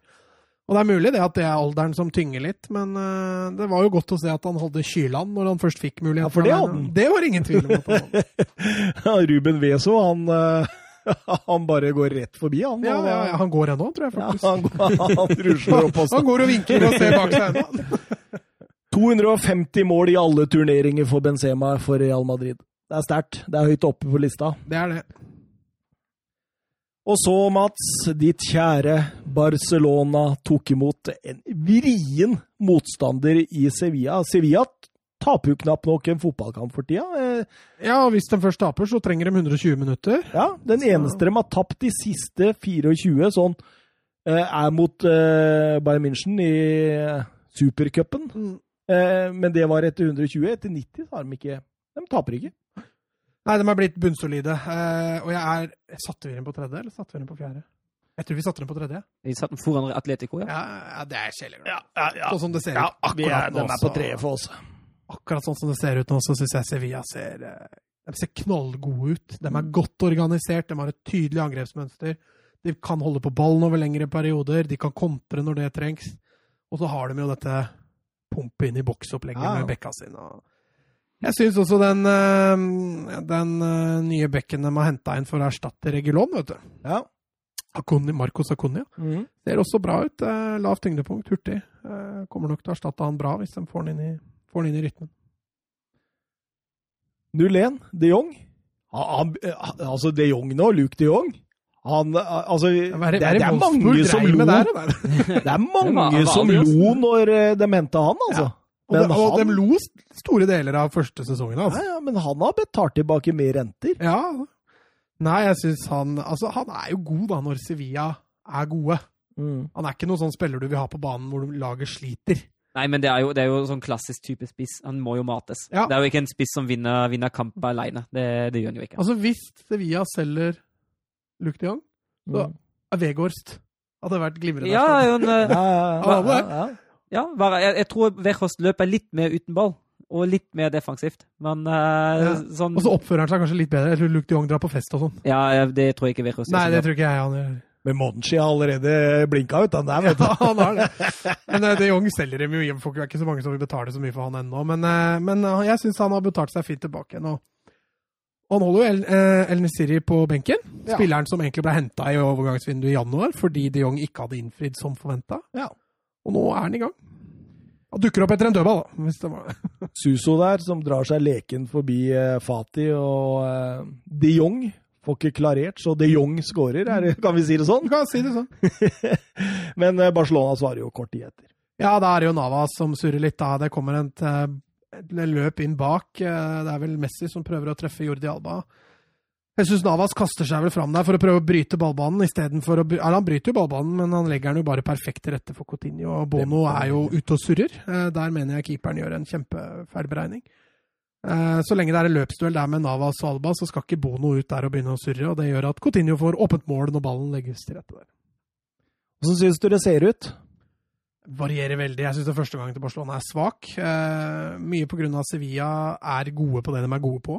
Mm. Eh, Barca sliter med å spille seg ut bakfra, det sliter med å etablere spill i angrep. Jeg syns Messi ser litt frustrert ut. Messi blir langt ifra like involvert som han har pleid å gjøre, og det tror jeg er en plan over det. At eh, Ja. Koman sier at vet du hva, vi, vi kan ikke spille på Messi hver gang vi har ball. Nei. Um, så Det gjør at Messi får færre sjanser enn det han har pleid å få. Um, og det er klart, I de første kampene så har det flytet, for Ansu Fati har skåret mål. og Men du ser Griezmann syns jeg er et stykke unna. Coutinho har vært brukbar. Ansu Fati har vært bra. Men de må få skrudd på Messi. Hvis ikke så kan det Men, bli men, men det, det kan holde til gull? Det kan det. Ja. Men det er ikke fordi Barcelona er så fryktelig fryktelig gode. Nei. Det er fordi utfordrerne ikke kanskje er helt der man trodde, bortsett fra Sevilla. da. De syns jeg ser bra ut. Sevilla, Real Madrid, Barcelona. Ja, det blir jo de tre. Jeg tror fort det blir de tre, hvis ikke Atletico bestemmer seg for å kaste ut på det laget de hadde, ja. hadde til å begynne med. Ehm, Men jeg, nei, det er som du sier, det kan holde til gull. Eh, Nå fikk de jo ikke Erik Garcia. Nei, Eh, men det har ikke så mye å si i år, tror jeg. Nei, men bredden på stopperen er, den er tynn, ass. Mm. Altså, Umtiti er Fikk Dest, da. Jo, men det er høyrebekk. Ja. Og den trengte man også, etter at Mm. man solgte Semedo. Men uh, stopperen er syltynn. Altså Piquet, Lenglet og Umtiti. Og nå tok de opp da Arojo fra B-laget. Ja. Uh, så de har jo fire stoppere, men Umtiti er jo kronisk skada. Lenglet er jo suspendert. Kronesko. Ja, han er ofte han får mye gule og røde kort. da. Så vi får se hvor lenge det holder på den stoppeplassen. Men så på Ronald Koman-barometeret 1 til 10, eh, hvor ligger du? Jeg ligger fortsatt på fem. Ja. ja. Får vi spørre deg hver eneste serierunde om Ronald Ja, Coman-barometeret. men jeg, start, jeg må jo starte på fem, er ikke det Ja, ja, ja. De Men det, er- det er litt første- rart om du ikke har bevega deg litt Jo, opp, i hvert fall. men jeg kanskje, hvis du starta på fem, da, Ja, da er jeg kanskje på 5,4, da. ja ok. Ja, Ja, ok. Så litt opp har det gått. Litt opp, litt opp. Um, Søren, Ja. Borussia Dortmund eh, Du kan være med på denne sekvensen nå, Mats. Du bør ikke, fly, du bør ikke, flytte mikrofonen din og begynne å surfe. Det, var, det, var, det var helt tilfeldig. Jeg sliter med å se PC-en med mikrofonen. Og det var ikke- Den tyske Bundesliga, den gidder ikke jeg å være med på. Det var ikke det som var meningen. Jeg har Bundesliga oppe her, så det er ikke noe fare. Dortmund Freiburg, eh, Christian Streich han hadde en plan, Søren, men den varte ikke så altfor lenge. Nei, men start, de starta godt. Eh, Jeg syns de var gode til å stresse Dortmund tidlig, til å presse høyt i starten. Eh, gode til å, til å ikke la Dortmund utfolde seg i det hele tatt. Men det hele rakner etter 30 minutter. Når Høfler gjør den eh, tabben han gjør på midtbanen, eh, og Reina får, eh, får sentret til Haaland, og Haaland eh, setter han fint, da er det egentlig en helt annen kamp. er så frustrerende, vet du. Når du har lagt opp en sånn plan, og den, den går ganske bra. Og så er det Og så er- personlig feil. Én sånn ja, altså, han, han mister jo oversikten, Høfler. Han mister jo fullstendig oversikten, og, og Haaland der Det er en nydelig avslutning. Ja, det er sterkt. Det er veldig sterkt. Jeg er veldig spent på å se det norske landslaget med Haaland. Mm. Altså, Jeg har vært det tidligere òg, da. Det er ikke det at det er noe Ja, mer det er på torsdag, det. Det er jo noe på torsdag. Og nå har han Ødegaard rundt seg også. Så hvis løpene er der Jeg bare håper han ikke dytter inn Henriksen og Stefan Johansen på en midtbane. Det- Johans- Johansen har klippet Altså- kort. Ødegaard og Berge, dem er safe. Bør det. Og Haaland og Sørloth bør også være Ja. safe. Og da er det de to siste midtbaneplassene. Jens Petter Hauge. Håper, altså. Ja, det hadde vært Ah. det er helt konge! Og så fått inn en sentral en ved siden av der. Det har vært nydelig. nydelig. Vi får håpe det. Vi får håpe det. Jeg gleder meg til den. faktisk. Ja, det er lenge til, siden jeg liksom gleda meg Ja, så mye til å se. Norge. ass. Men, eh, men um, en, av store, ja, en av de store grunnene til det er jo denne Haaland og uh, Ja, Han spiller jo en fryktelig sterk kamp igjen. Det er jo Altså, jeg synes jo hele Dortmund gjør en, gjør en veldig god kamp etter 1-0. For da løsner Du merker bare hvordan det løsner. Det var befriende. og da er, det jo, da er det jo nesten bare Dortmund som er resten av kampen de siste 60 minuttene. De skaper masse sjanser, de skårer tre mål til. Eh, men hvis jeg må trekke fram tre spillere, eh, to spillere, da er det Erling Braut Haaland på topp, og så er det Giovanni Reina. Tre er sist. Tre assist. Og er Og så er jeg snill mann, han Haaland. ja, det, er er det, det. er det verste jeg har hørt! Han Ja. er en snill mann. Hvorfor, hvorfor i alle dager? Altså, hva, hva altså ja, det hadde vært, det hadde vært verst hvis han ikke sentra. Da hadde jeg blitt sur. Faktisk, jeg var med spilleren hans. Ja, men, men, men, men, men, men altså, i det, altså, norske aviser Ja. drar det til og med opp! NRK, statskanalen i Norge, drar det opp og kommer med overskriften 'Han er verdens snilleste mann'. Altså, det, hva skjer der? Er så nisselue på! Det er nisselue lue godt trekket over begge øya og Haaland-drakt på kommentatorplassen. Han, han har på skjegg og full pute på magen nå. Eh, Jeg satt og så Viasat Studio med en eh, kompis av meg. Eh, etter denne Dortmund-kampen, altså i, i opptak, vel å bemerke, da. Eh, var jo på sånn romantisk Oslo-trip med fruen, jeg vet det, på og da, lørdag. da satt du og så det med en kompis? Eh, på, I opptak. Ja, og du, så, Ja, altså, du ja. tok ikke med kompisen på romantisk? Nei, ok. ok. Jeg kunne vært kababel på det, men nei. nei. Eh, og måten de driver på i det studioet Han sa det til meg, han kompisen, uten at jeg hadde nevnt noe på forhånd. Så sier han det at jeg er helt sikker på at du i hvert fall finner to av tre benneren under bordet der. Når de snakka om Haaland. Hvis Ja. du skjønner hva jeg mener. Satt ikke faren hans der, da? Nei, Å nei, nei det var det tidligere, da. Nei, men Nei. Jo, men han satt i det studioet Ja, de, nå, det er ikke lenge siden. inni, innimellom drar de meg inn, ja. Innimellom så drar de. han er fælt om faren din. Jeg tenkte faen, han var for gammel. Ja, det, det, er litt sånn, det, altså, det, er litt sånn media, det skal være litt sånn uavhengige journalister, og så er det en heltedyrking av dimensjoner. Men nå er det ekstremt mye ute. Altså, du har en Ødegård som Bortsett fra de to siste kampene, selvfølgelig. Du har en Sørloth som går til Leipzig for 250 millioner. Du har en Haaland som kjemper om toppskårertittelen i Bundesliga. Du har en Berge som har spilt seg fast Altså, det er så mye Ja. nordmenn nå ute at det er så mange nisseluer der ute. Ja. Fryktelig. Ja, Ja, Og du har to nordmenn i Celtic som spiller fast. Jens altså, Petter Og Hauge, Jens Petter Hauge, ja. ja. ikke, ikke glemme altså, Som var best på oppvarminga, hørte jeg. Vil du sende en hilsen hjem til Norge? Hei, Norge! Ja vel, ja! Fy fader! Så, du så den tweeten med at han var best på oppvarminga Ja, òg? ja, ja. Ja, så, og så kom det, vel, eh, kom det vel eh, etterpå på VG at han var først borte hos lagkameraten etter, etter skåringa også. Altså, Det, det, er Men, men, men jeg Ja, er det sitter noen der ute sikkert, vet du, som hm, Hvem er det som gikk først bort for å feire den scoringen? Ja, det var Jens Petter Hauge. Men jeg er enig i at det skal hylles der det kan hylles, men, men det tar så voldsomt av. Det er det som er Altså, problemet her. her. og det, det er liksom det jeg har, jeg har slitt med siden Solskjær og siden Haaland ikke begynte i Dortmund. Uh, sportslig er det hull-hull til Haaland, nei. Det er, en, uh, det er en fantastisk kamp han spiller. Det er sterkt. Uh, for all del, han kan godt nevne at det er uegoistisk av ham å, og spille den på tvers på overtid istedenfor den jakte hat trick sjøl. Det er det jo absolutt, og det kan man også godt nevne med positive ord. Men man trenger da ikke å tillegge ham alle mulige positive egenskaper som fins. Og det er litt det jeg reagerer, reagerer på her. Nei, altså, når de etter denne kampen da, så snakker de 95% Haaland og 5 Gio Reina. Gio Reina er 17 år gammel. Eh, Haaland er veldig flink på å dra han inn og, og på en måte Han kaller han jo bare The American Dream. og han eh, Tre assist, altså, i denne kampen her. Han er 17 år gammel. Han er, han er ikke fylt 18, han kan ikke kjøre bil. Jeg hørte at Haaland kjører han til trening. Men uh, jeg, altså, jeg skjønner jo det at klikk er viktig. Og du klikker deg ikke inn på Giovanni Reina hadde tre sist. Du klikker, Jeg deg, gjør det. du klikker deg inn på Erling Braut Haaland er en veldig snill Ja, mann. ja, altså de fleste i Norge Ja, men jeg, jeg, jeg skjønner. Men jeg skal vedde på. Christian Malt Arnstad, da. Som debuterte, altså, som debuterte fra start for Anderlecht mot Klubb Brygge i Belgia i Jupiter League, eller hva det heter for noe. Jubileer, ja. Ja, det fikk ikke mange klikk. Nei. Men det er også rimelig stort å kaste inn en 17-åring fra start der. Ja, Altså. ja. Absolutt. Absolutt. Vincent Company, ikke han som styrer og steller Ja, i ja. Men det, men det er jo liksom, det, det egner seg med, med Haaland og Ødegaard pga. at de er offensive spillere, pga. at de, de, de leverer målpoeng. Og det er jo det folk vil se. Folk vil ikke se en Aya som holder forsvaret til Celtic sammen. Folk vil se en Haaland som skårer masse mål og bøtter inn. Og det Norge kanskje trenger aller mest nå, er vel en Ayer og en til som kan holde ting Ja, sammen ikke Østegård der. tatt ut nå? Ja, Det er spennende. Spennende. ing- ingen Even Hovland, det var jo også Og, godt. og hvor spiller Østegård nå?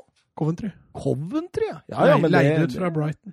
Bør ikke være så gærent. Köln, eh, Borussia München-Gladbach, Søren. Ja, og det var jo en uh, rimelig entydig affære, det der, selv om resultatet blir uh, litt grann jevnere. Men altså, Køln er jo fryktelig svake. Uh, det, er, det er i stor grad naivitet som rår i forsvaret der. Uh, de prøver seg med en fembekslinje. Det fungerer ikke i det hele tatt. Demmer ikke opp for noe som helst. Glattbar Glattberg får massevis av bakrom, særlig bak bekkene, og utnytter det veldig godt. Og det det, det er så lite romforståelse i det Köln-forsvaret at jeg ikke skjønner hva jeg driver med på trening engang.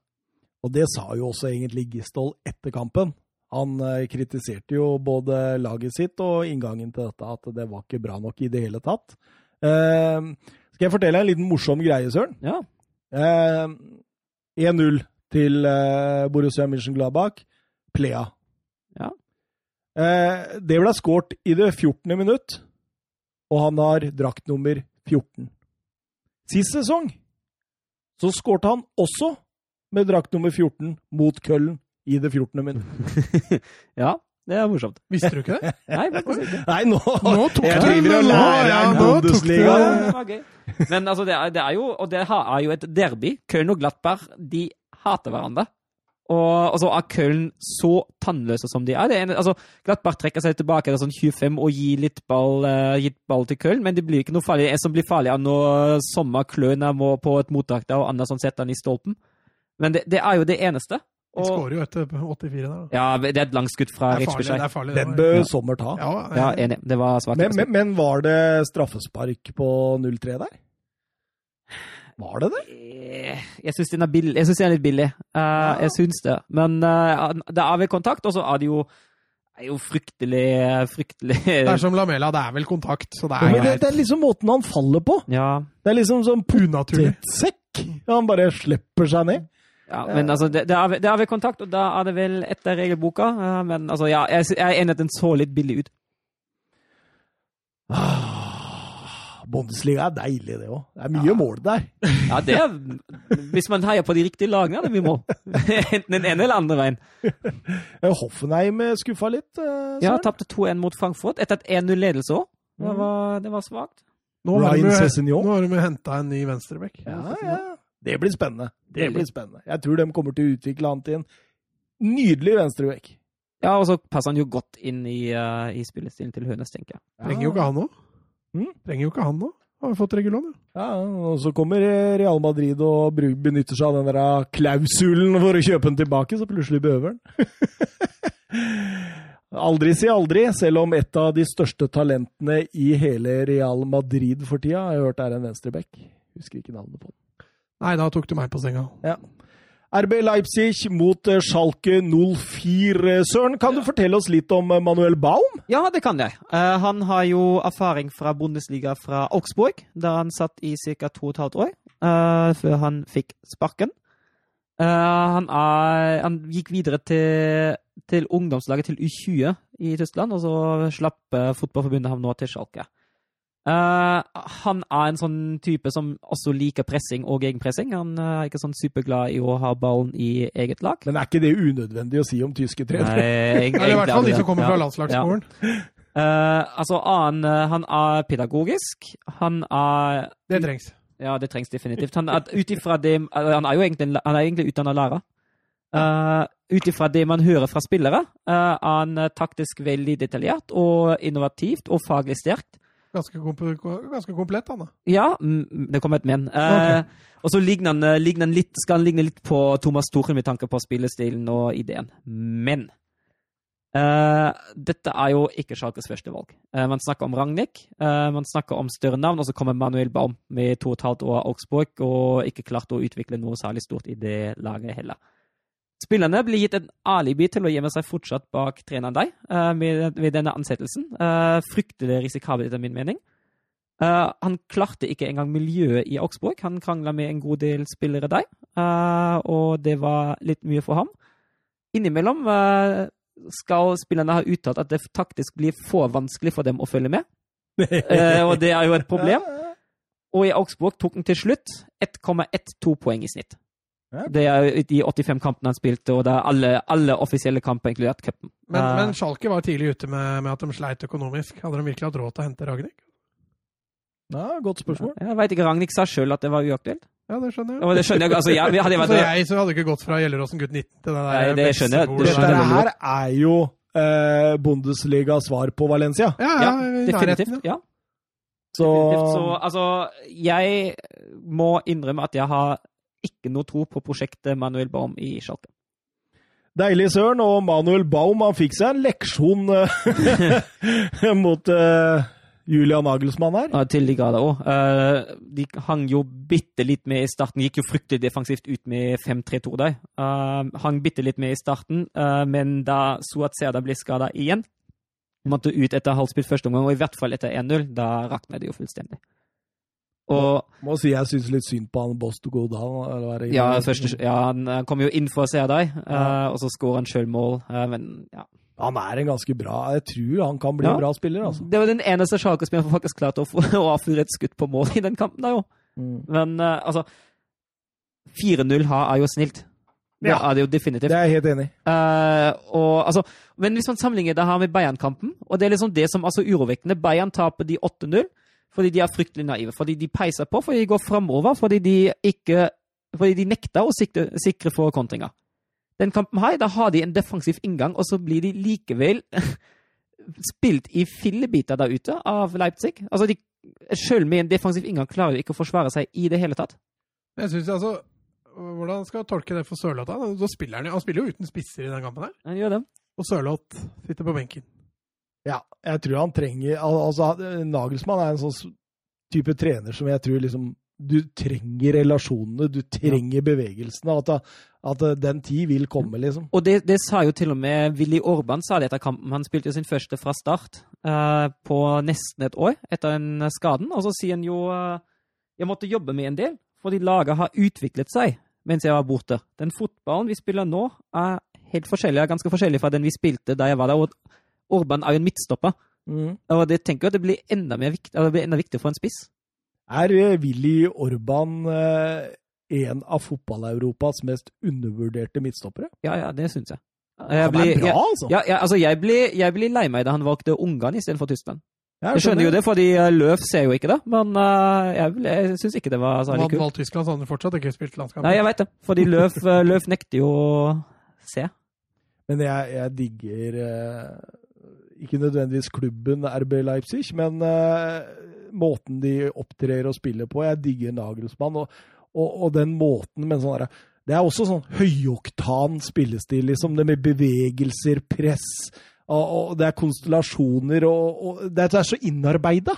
Det er så innarbeida, og, Forsberg etter kampen han sier at det er så gøy å spille. ikke sant? At du har helst lyst til at kamp, du, du skal spille med én gang igjen. Liksom. Ja, men, men, du så det jo. altså Forsberg, eh, Forsberg kombinerte jo veldig godt med, med, med en Konko og Olmo på topp der. Det var jo, det var jo gøy. Du, det, det øste jo spilleglede av de tre der fremme.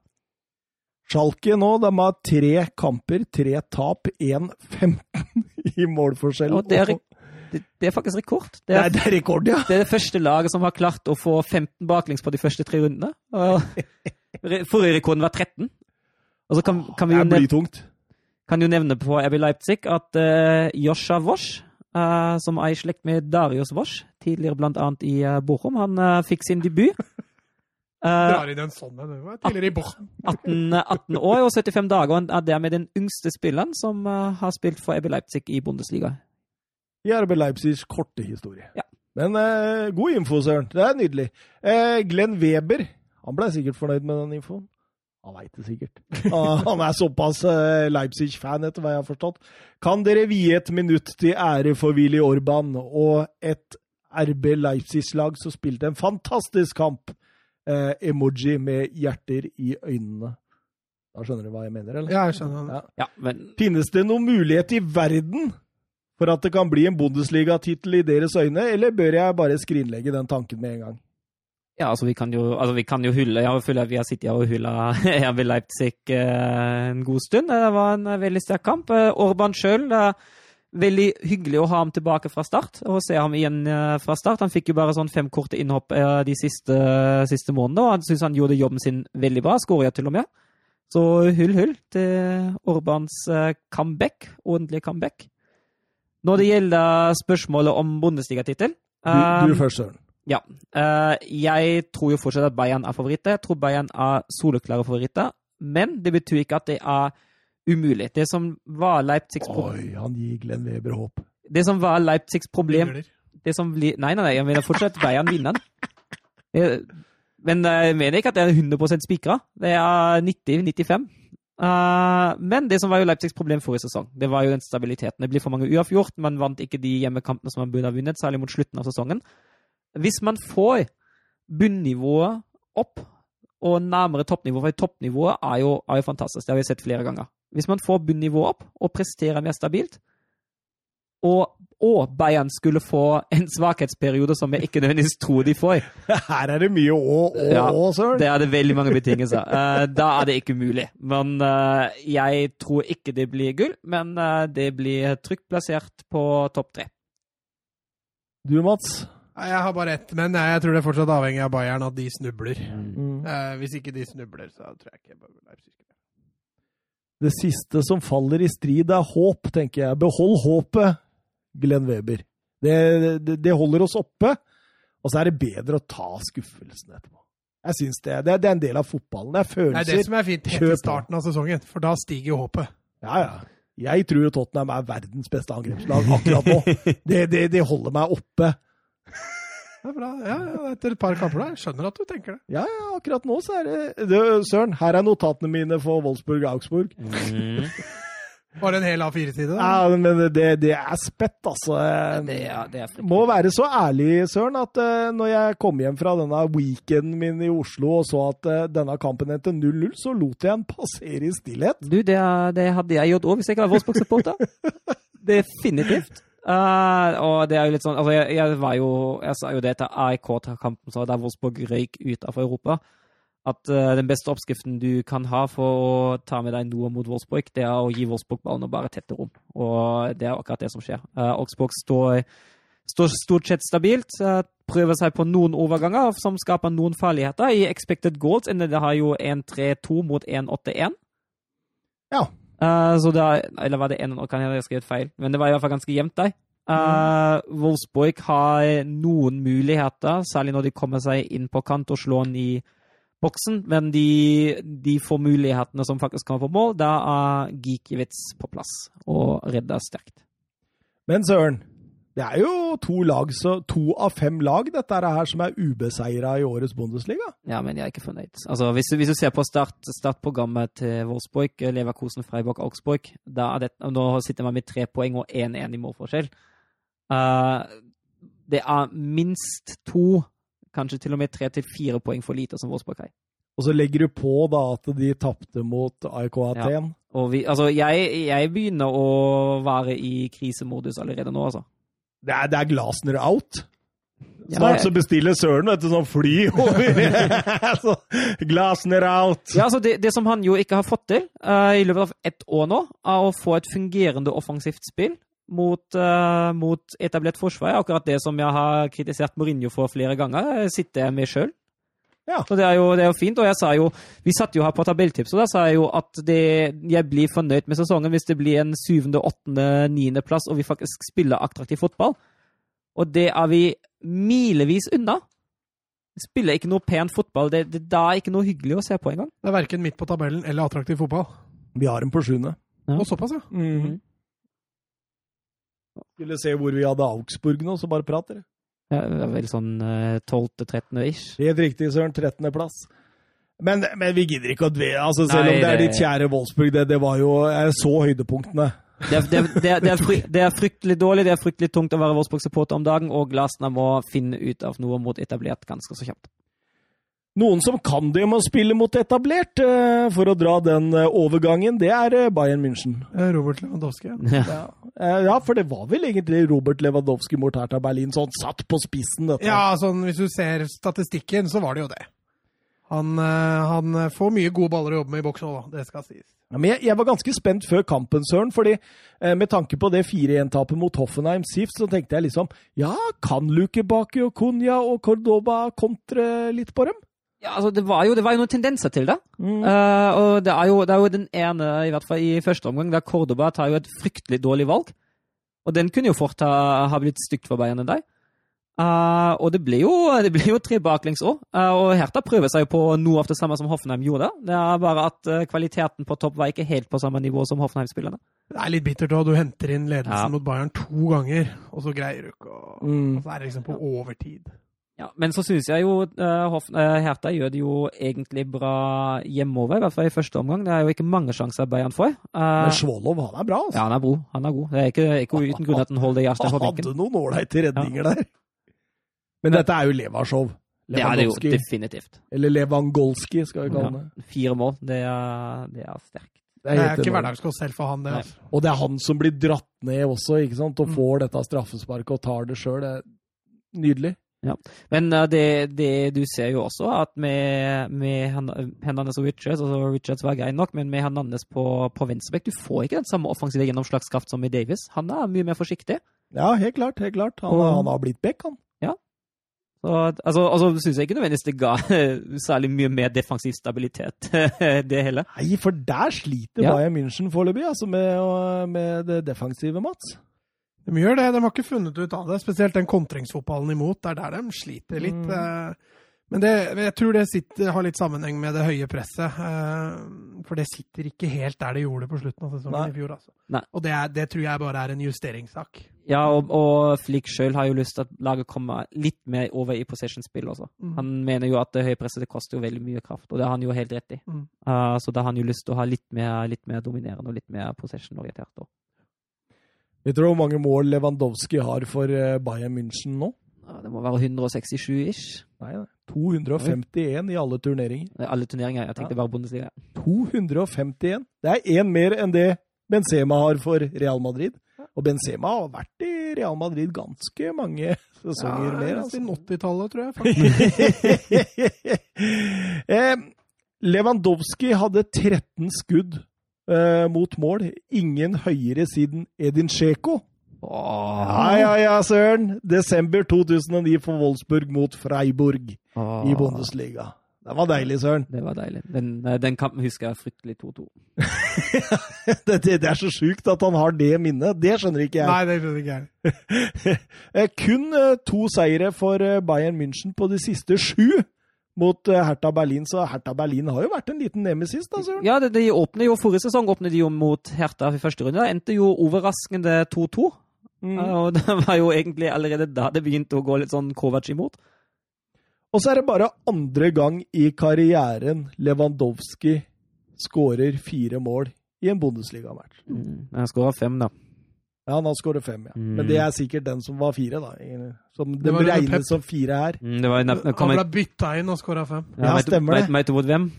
Var det Wolfsburg, da? Ja. Å, det er så deilig, søren. Men jeg, jeg må si at jeg koser meg med Bundesliga. Ja, det er, altså det er gøy. Som sagt, Så lenge du ikke ser på Wolfsburg, er jo det ganske morsomt. fordi eh, da er det ikke så mye morsomt. Fordi, altså, det, er- det er jo litt, det, det laget er jo defensivt trygt, forholdsvis. Men offensivt er det, er det så lite som skjer. Og så er det jo Tenk om du også hadde vært Atletico-fan. da. oh. Det var tøft. oh. Ja, det vært skikkelig slitsomt. Oi, oi, oi. Da får du det tungt! Wolfsburg og Atletico. Ja, men du, altså, I en periode satt jo der Wolfsburg var dårlig og kjempa mot, kjempet mot nedrykk. Da fikk jeg hver vår var det Wolfsburg som kjempa om overlevelse, og da fikk jeg stress av det. Og hver høst var det Lillestrøm som kjempa om overlevelse, så det var jo uh, fine kombinasjoner. Ja. Lazio-Inter, gutta. Vi skal over til eh, støvellandet. Uh, ja, eh, 3-5-2 mot 3-5-2. Det pleier å bli underholdning. Blir mye rom på kanter. Ja, det gjør jo det. Selv om kanskje mesteparten av underholdningen skjedde sånn uh, slåsskampmessig. Ja, ja. Det var dårlig stemning der en periode. Ja, det ble, men det blei skapt mye sjanser òg. det kunne fint blitt skåret flere mål i den kampen der. Det var en vanskelig, vanskelig om, førsteomgang for Lazio. Fikk jo Stefan Radu og Marusic ute med skade, og blei også løpende mye imellom. Inter styrer jo mye uten å på en måte produsere voldsomt, da. Ja, så skårer jo Inter først. Så, Inter, så Lazio tvinges jo til å, til å, måtte jage utover i andre omgang òg. Mm. Og ut i annen omgang, der dukker SMS opp. Ja, han kommer inn på bakerste der etter et innlegg, og via, via Danovic og i mål. Så det er en fin skåring. Vet ikke, Jeg karakteriserte det ikke som noe keepertabbe, men jeg så vel også skrevet at det var svakt keeperspill. Tenker mer svak markering. Ja, det, ja, ja, det, ja, det, det skriver jeg under på med en gang. Men jeg velger ikke å skylde på keeperen her. Men um, Perisic, what to do, tenker jeg, i det systemet. Mm. What to do? Må du spille den, liksom? Ja, må, må du spille den? ja, Det hadde jo vært bedre å slippe i han til en annen klubb, for det, det går jo ikke an å spille Perisic i dette systemet. Nei, kan, altså han kan jo, han kan jo spille spiss òg, men jeg er jo heldig. Altså, han, han, han, tar jo ikke de to, ikke sant? Nei, nettopp. Og han er jo, han er jo best som en reinkant når han har en bekk bak seg. Det er jo da han er best. Og det, som du sier, det fins ikke i 3-5-2, og han egner seg jo i hvert fall ikke som wingback. Det var deilig. Ja. ja, det skjønner jeg. Så fælt som du jobba for å få av den korken. Så. Jeg skjønner ikke hvorfor jeg setter korken på. Nei, jeg, jeg, jeg, jeg tenkte å si det. Men Fordi jeg driver jo Søren ta korken. jeg ville ikke si det høyt, men Det, det, det er noen tiende gang jeg sitter og sliter med å få av korken eh, på denne Poweraden. Jeg er god, da. Ja, fin. Det er verdt det. Det er verdt kjempinga. Men snakkisene, Søren, det var jo disse to røde korta. Skal vi begynne med det første? Ja. Da er det jo uh, Vidal som uh, meier igjen i uh, Giro Immobile på midten der. Så går han til Immobile og kjefter vei på han, tror jeg. Uh, ja, det er, det er sånn 'kom deg opp'. Ja, og da langer Immobile ut og slår ham i trynet. Rødt kort. Det er det klareste av de tre ja. vi har snakka om. Ja, helt enig. Mm. Selv om Vidal også han faller, han altså, Hadde han vært med i MMA Hadde ikke vært mange kampene han hadde orka dette, tror jeg. Nei, han, han finner ut da nå at nå skal jeg vise Men dommeren han, han bruker kortere tid enn Lamela på å skjønne at den har vondt. Ja, For han går liksom rett i bakken. Tror Lamela måtte kjenne på det først. Ja, for Lamela måtte kjenne litt etter. Han klødde seg litt i bakhodet. Ja, nei, det er litt vondt. Det, det, er litt vondt. det er litt vondt, dette her, altså. Jeg tror jeg skal ta Jeg tror jeg må ta meg en pause. Sånn var ikke Vidal. Han reagerte instinktvis. Han har blitt slått før, han. Sensis røde, Mats. Ja, nei, er, Den er jo mye mer i tvil om, egentlig. Det er mer et klaps igjen som vi er borte på. Jeg tror ikke det er meninga egentlig å klapse heller, men uh, Men han har jo gult. Han har jo gult. Ja, han får jo gult, ja. Stemmer ja. det. Ja, da, da er jeg mer innafor. Det er en ja. reaksjon der, og da kan man godt gi gult. Brozovic hadde en stor sjanse i stolpen der eh, mot slutten. Eh, tenker Conte er litt irritert over dette her. Det tenker jeg òg. Der røyk eh, tre Altså, her kunne vi slått én av Champions League-utfordrerne på bortebane. Vi hadde mm. dem i lomma, liksom. Én mann mer, styrer mye av spillet. Eh, får ikke til, rett og slett. Ja, Lazio er ikke i kjempeform. Eh, tapte 1-4 mot Atalanta. Nei, nei. Og, ja. Men dette Atalanta-laget, vet ikke, så du Atalanta, eller? Ja, det er... Oh, så du målet til Gomez, eller? Ja, ja. Det er nesten sånn at man må begynne å tenke på Skal vi dra inn Atalanta her? Kan, kan, vi ikke gjøre det? det er bare for moro. Det er, det er, bare gøy, liksom. Ja, det er jo det. Det er faktisk det. Eh, Milan Spezia, det eller AC Hauge, som vi kan begynne å kalle ja, det. nå. skal vi gjøre det? Ja, vi begynner å kalle det. Kjøre AC Hauge? AC Hauge der. Søren er fornøyd med det? Mm, veldig. men, men, men, han var veldig på i feiringene der. Ja, han var god til å feire. Han var alltid tidlig på i feiringa. Det var ikke noe Det ser ut som han har blitt veldig god kompis med Rafa Leao, i hvert fall. Ja, og så løper han fort òg når han ja. skal feire. Ja, ja, ja. Det er helt nydelig. Det er ikke, noe, det er ikke noe sånn lamela å tenke seg om eller noe sånt. Det er bare rett bort og Kom da, gutter, vi feirer. Men det ser ut som Tonali og Brahim Diaz har blitt spilt inn i Pioli-systemet nå. Jeg syns begge kommer ut av dette meget bra. Ja, jeg syns også det. Tonali kommer jo til å bli bra uansett, tror jeg. Uh, han har, det er så mye talent der. Um, Brahim Diaz er jo fortsatt bare leid inn, da, så det blir spennende å se hvor mye han blir matcha. Men akkurat nå sliter jo Milan litt med, med skader og sånn. Rebic var jo ute. eh, Ibrahimovic er jo fortsatt ute. Benazer ble hvilt. Milan hadde jo 120 minutter fra torsdag, så Og Pioli sa det jo før kampen at Hauge var vel kanskje den best trente av dem alle. Ja. Ja, absolutt. Og de, får jo ikke mål før altså De starta jo på topp med Lorenzo Colombo, eh, 18-åringen der. Eh, og, og, og det, det skjer ikke noe for Shanaluglu. Kommer inn og, og gir litt. Nei, men Donnarumma må jo i aksjon to ganger der borte. Så i første omgang er Spezia faktisk nærmest scoring, syns jeg. Ja, små, småfarlig på overgangene. Ja. Men Donnarumma, altså, han er bra. Altså. Ja. Han er strålende. Han er svær mann, ass. Mm. Han blir svær. ass. Det er helt Hva han. Chelsea skulle hatt. Det er han Chelsea skulle hatt. Det er det... Men han ser bra ut av Mendy òg, foreløpig i hvert fall. Litt ustabil i feltet, det kan vel være Det kan straffe seg i Premier League, det. Altså. det, det, det kan det. Men eh, Rafael Leao han blir jo dytta opp som spiss og, og tar jo den jobben. Ja. Han eh, får vel eh, to goller der og er tunga på vektskåla. Når han får 2-0 der, så, så er det jo avgjort. Deilig, deilig. Oshana Luglo, han, han har tolv matcher i alle turneringer så langt, og åtte mål og ni assist. Det er voldsomme tall. Innenfor det, Ja, han er voldsomme tall på han nå, altså. Nå er han strålende. Theo Hernandez tilbake på skåringslista. Ja, bare setter fart og legger den i lengste. Det, Det er ikke det er det nydelig. som skulle vært en vanlig tirsdag. Eh, Tre strake uten å slippe inn mål eh, i starten av sesongen, eh, Serie A-sesong for AC Milan. Det er tredje gang klubben klarer det i historien. Eh, 72 71-72-sesongen og 52-53-sesongen er de to andre. Så dette er sjelden kost. Eh, Dessuten så er dette Milan-laget de satt på banen i denne kampen, det yngste laget i Serie A siden Oppda begynte å samle sånne tall. Mm. Spennende. Mm. Det er 22 år og 287 dager. Det er, de hadde sju spillere i startelveren født etter 1.1.1999. Mm. Det er voldsomt, Søren. Det er veldig voldsomt. Det er, Det er gøy. For- Hyggelig at det gror. Ja, det, det er morsomt, og Pioli tørr. Tror du fortsatt den valgte feil? Ja, på sikt. Mm. Men ikke nødvendigvis denne sesongen. Men på sikt så tror jeg det. Vi må jo ta det som skjedde på Allianz også. Ja, det må vi. Juventus nå. Ja, å ja. Så tenkte jeg Bayern igjen. Tok du ikke det med i stad? Nei, det stemmer. Der var det et lag som ikke møtte opp, mens et lag sto og varma opp helt til dommeren blåste av kampen. Det begynte vel i den kampen Napoli spilte mot Genoa. Eh, Genoa har vi fått eh, 22 koronatilfeller. Stemmer. De fikk utsatt kampen sin. mot Torino. Mm. Mhm. Eh, og så har Napoli to spillere har testa positivt, og en, eh, et staffmedlem. Mm.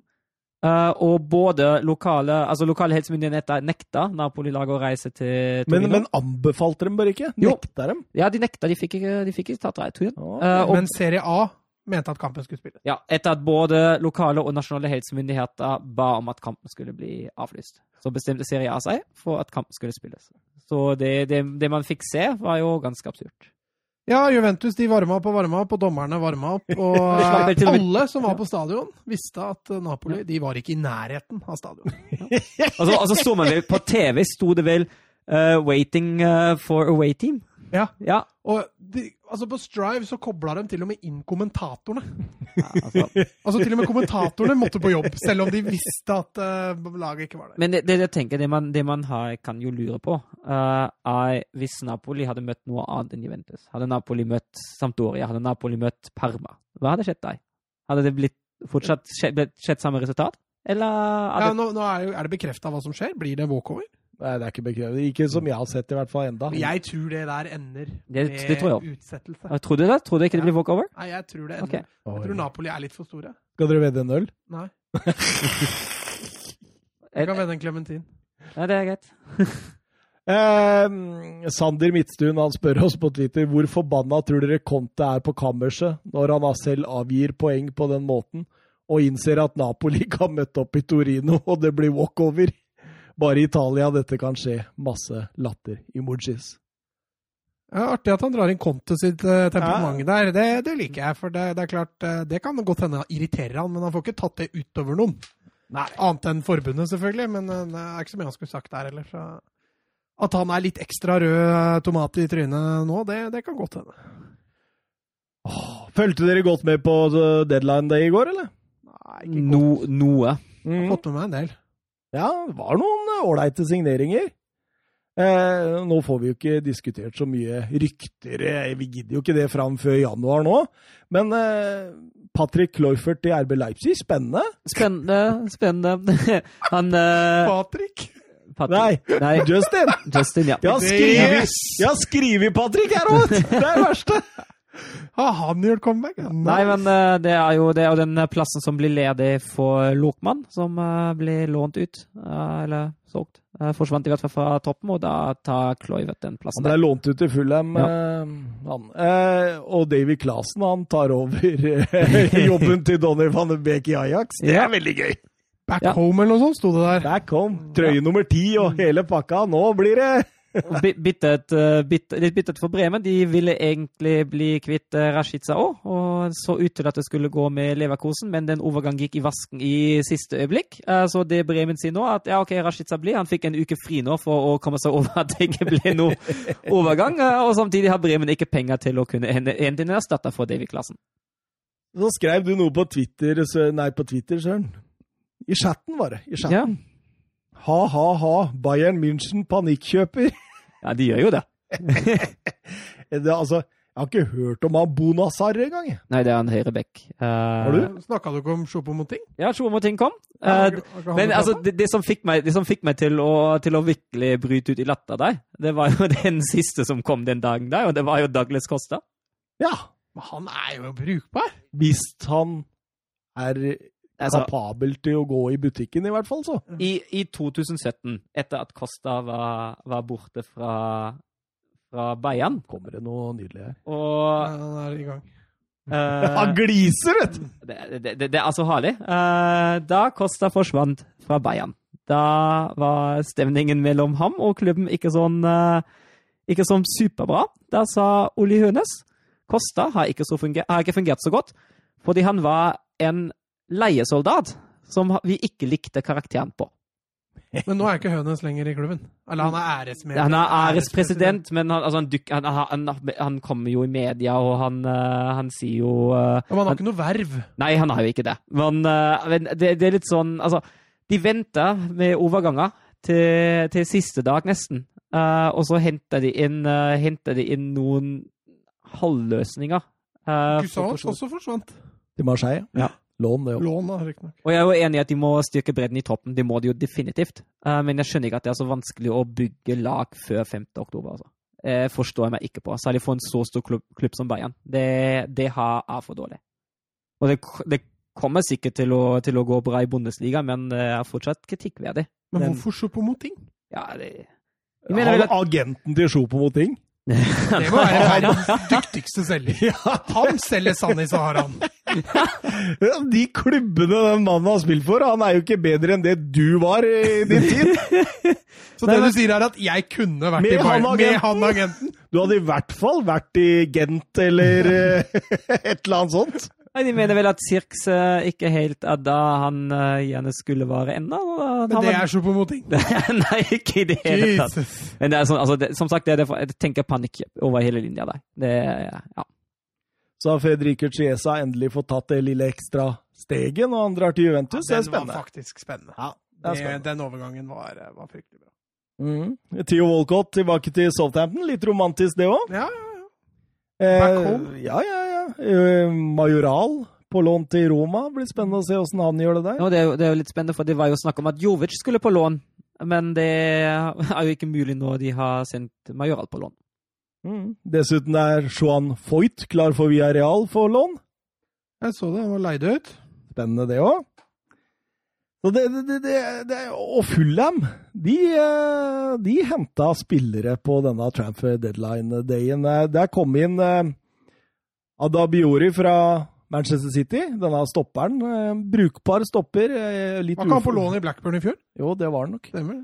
Litt uferdig type, men uh, har fremtiden for seg, foran seg. Ruben Loftus-Cheek, uh, Lochmann, som Søren nevnte, og ikke minst uh, Joakim Andersen, som kommer fra Lyon. Så det, det var- blei henta mye der. Everton henta Robin Olsen og, og sendte Moyes Keane til Paris Saint-Germain på lån. Så det, det, det skjedde jo litt der, da. Sandro Ramires. ja, Han gikk til Huesca, da. ja, ja, ja. Men eh, der kan han sikkert skåre to mål i løpet av sesongen. Det kan fort hende at han løper inn en ball der. Eh, vi har et par fra Geir Halvor Kleiva. Og jeg, synes, jeg, jeg lo så jeg knakk, for jeg, jeg, var klar over at jeg har surra litt her. Men han skriver på Twitter 'Hvem er han Stig Halvor Kleiva?' Og hvorfor driver han og sender inn de samme spørsmåla som meg? Jeg har allerede svart den med at jeg kjenner en som heter Stig Halvor, og jeg beklager så mye jeg surrer vel. Ullel. Suller, suller. Um, men han spør oss også et uh, annet spørsmål, denne Stig Halvor. uh, hvilke signeringer som har kommet inn de siste dagene, gleder dere dere mest til å se? Mest, Mats. Nei, da må jeg nesten holde meg, holde meg litt i Spania. Altså, jeg syns jo Lucas Torreira var en fin signering. Ja, ja, du, du hyller Eh, det. Det det er synd at det mister Party, det skjønner jeg. Mm. Uh, Men å få inn Torreira der, det det, det tror, jeg de, eh, tror jeg dem gagner dem litt. Eh, Rafinha i PSG skal også faktisk bli spennende. Han har noe uforløst ved seg, hvis han bare greier å holde seg skadefri. Eh, Så kunne den også vært artig. Ellers er det jo Chiesa til Juventus. Jeg syns egentlig det er den kuleste overgangen Mm. i, nå. Søren? Jeg kan være med på Chiesa i Juventus. Jeg syns også Dest til Barcelona er ganske morsom og spennende. Ja, men, Mm. men det skjedde jo ikke i går. Nei, nei, nei, men han sa jo det- var de siste dagene? Ja, Ja, ja. Ja, da Eh, kan jeg slenge med Dest. Ja. Uh, så, og nå sett med mine egne øyne har jo Wolfsburg endelig henta inn en ny kant, og det er jo fint, det òg. Det har vi venta lenge på. Kavania, gutta? Jeg Gleder du deg til å se han? Det blir jo moro. Jo, Det er jo Zlatan 2-0. Nei, det er det ikke. Hvis du sammenligner Zlatan med Kavani, da har du gått deg bort. Ja, men det er, det er jo samme måte de henta Å, ja, sånn, på.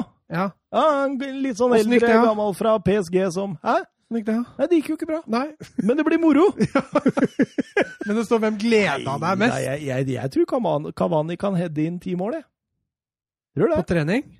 Ja, men altså, han er bedre Marcial som spiss. Det er jeg helt enig i. Ja. Men han er noe Han er ikke der oppe med Harry Kane og Nei, Jamie Vardy og nei, nei, nei. Men, men, men så gleder jeg meg til å se om Ruben Diaz er løsningen til Pep.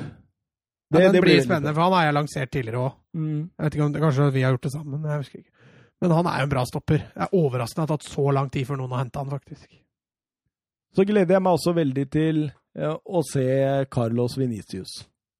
Det, det blir moro for meg, syns jeg. Altså, Ja, det blir vel noen ligacupkamper han kommer til å få, sikkert. han må avlaste Kane litt, men han, han er jo Jeg så agenten Gestefuch, så dette er jo Jorge Mendes og koblinga med Mourinho, dette her.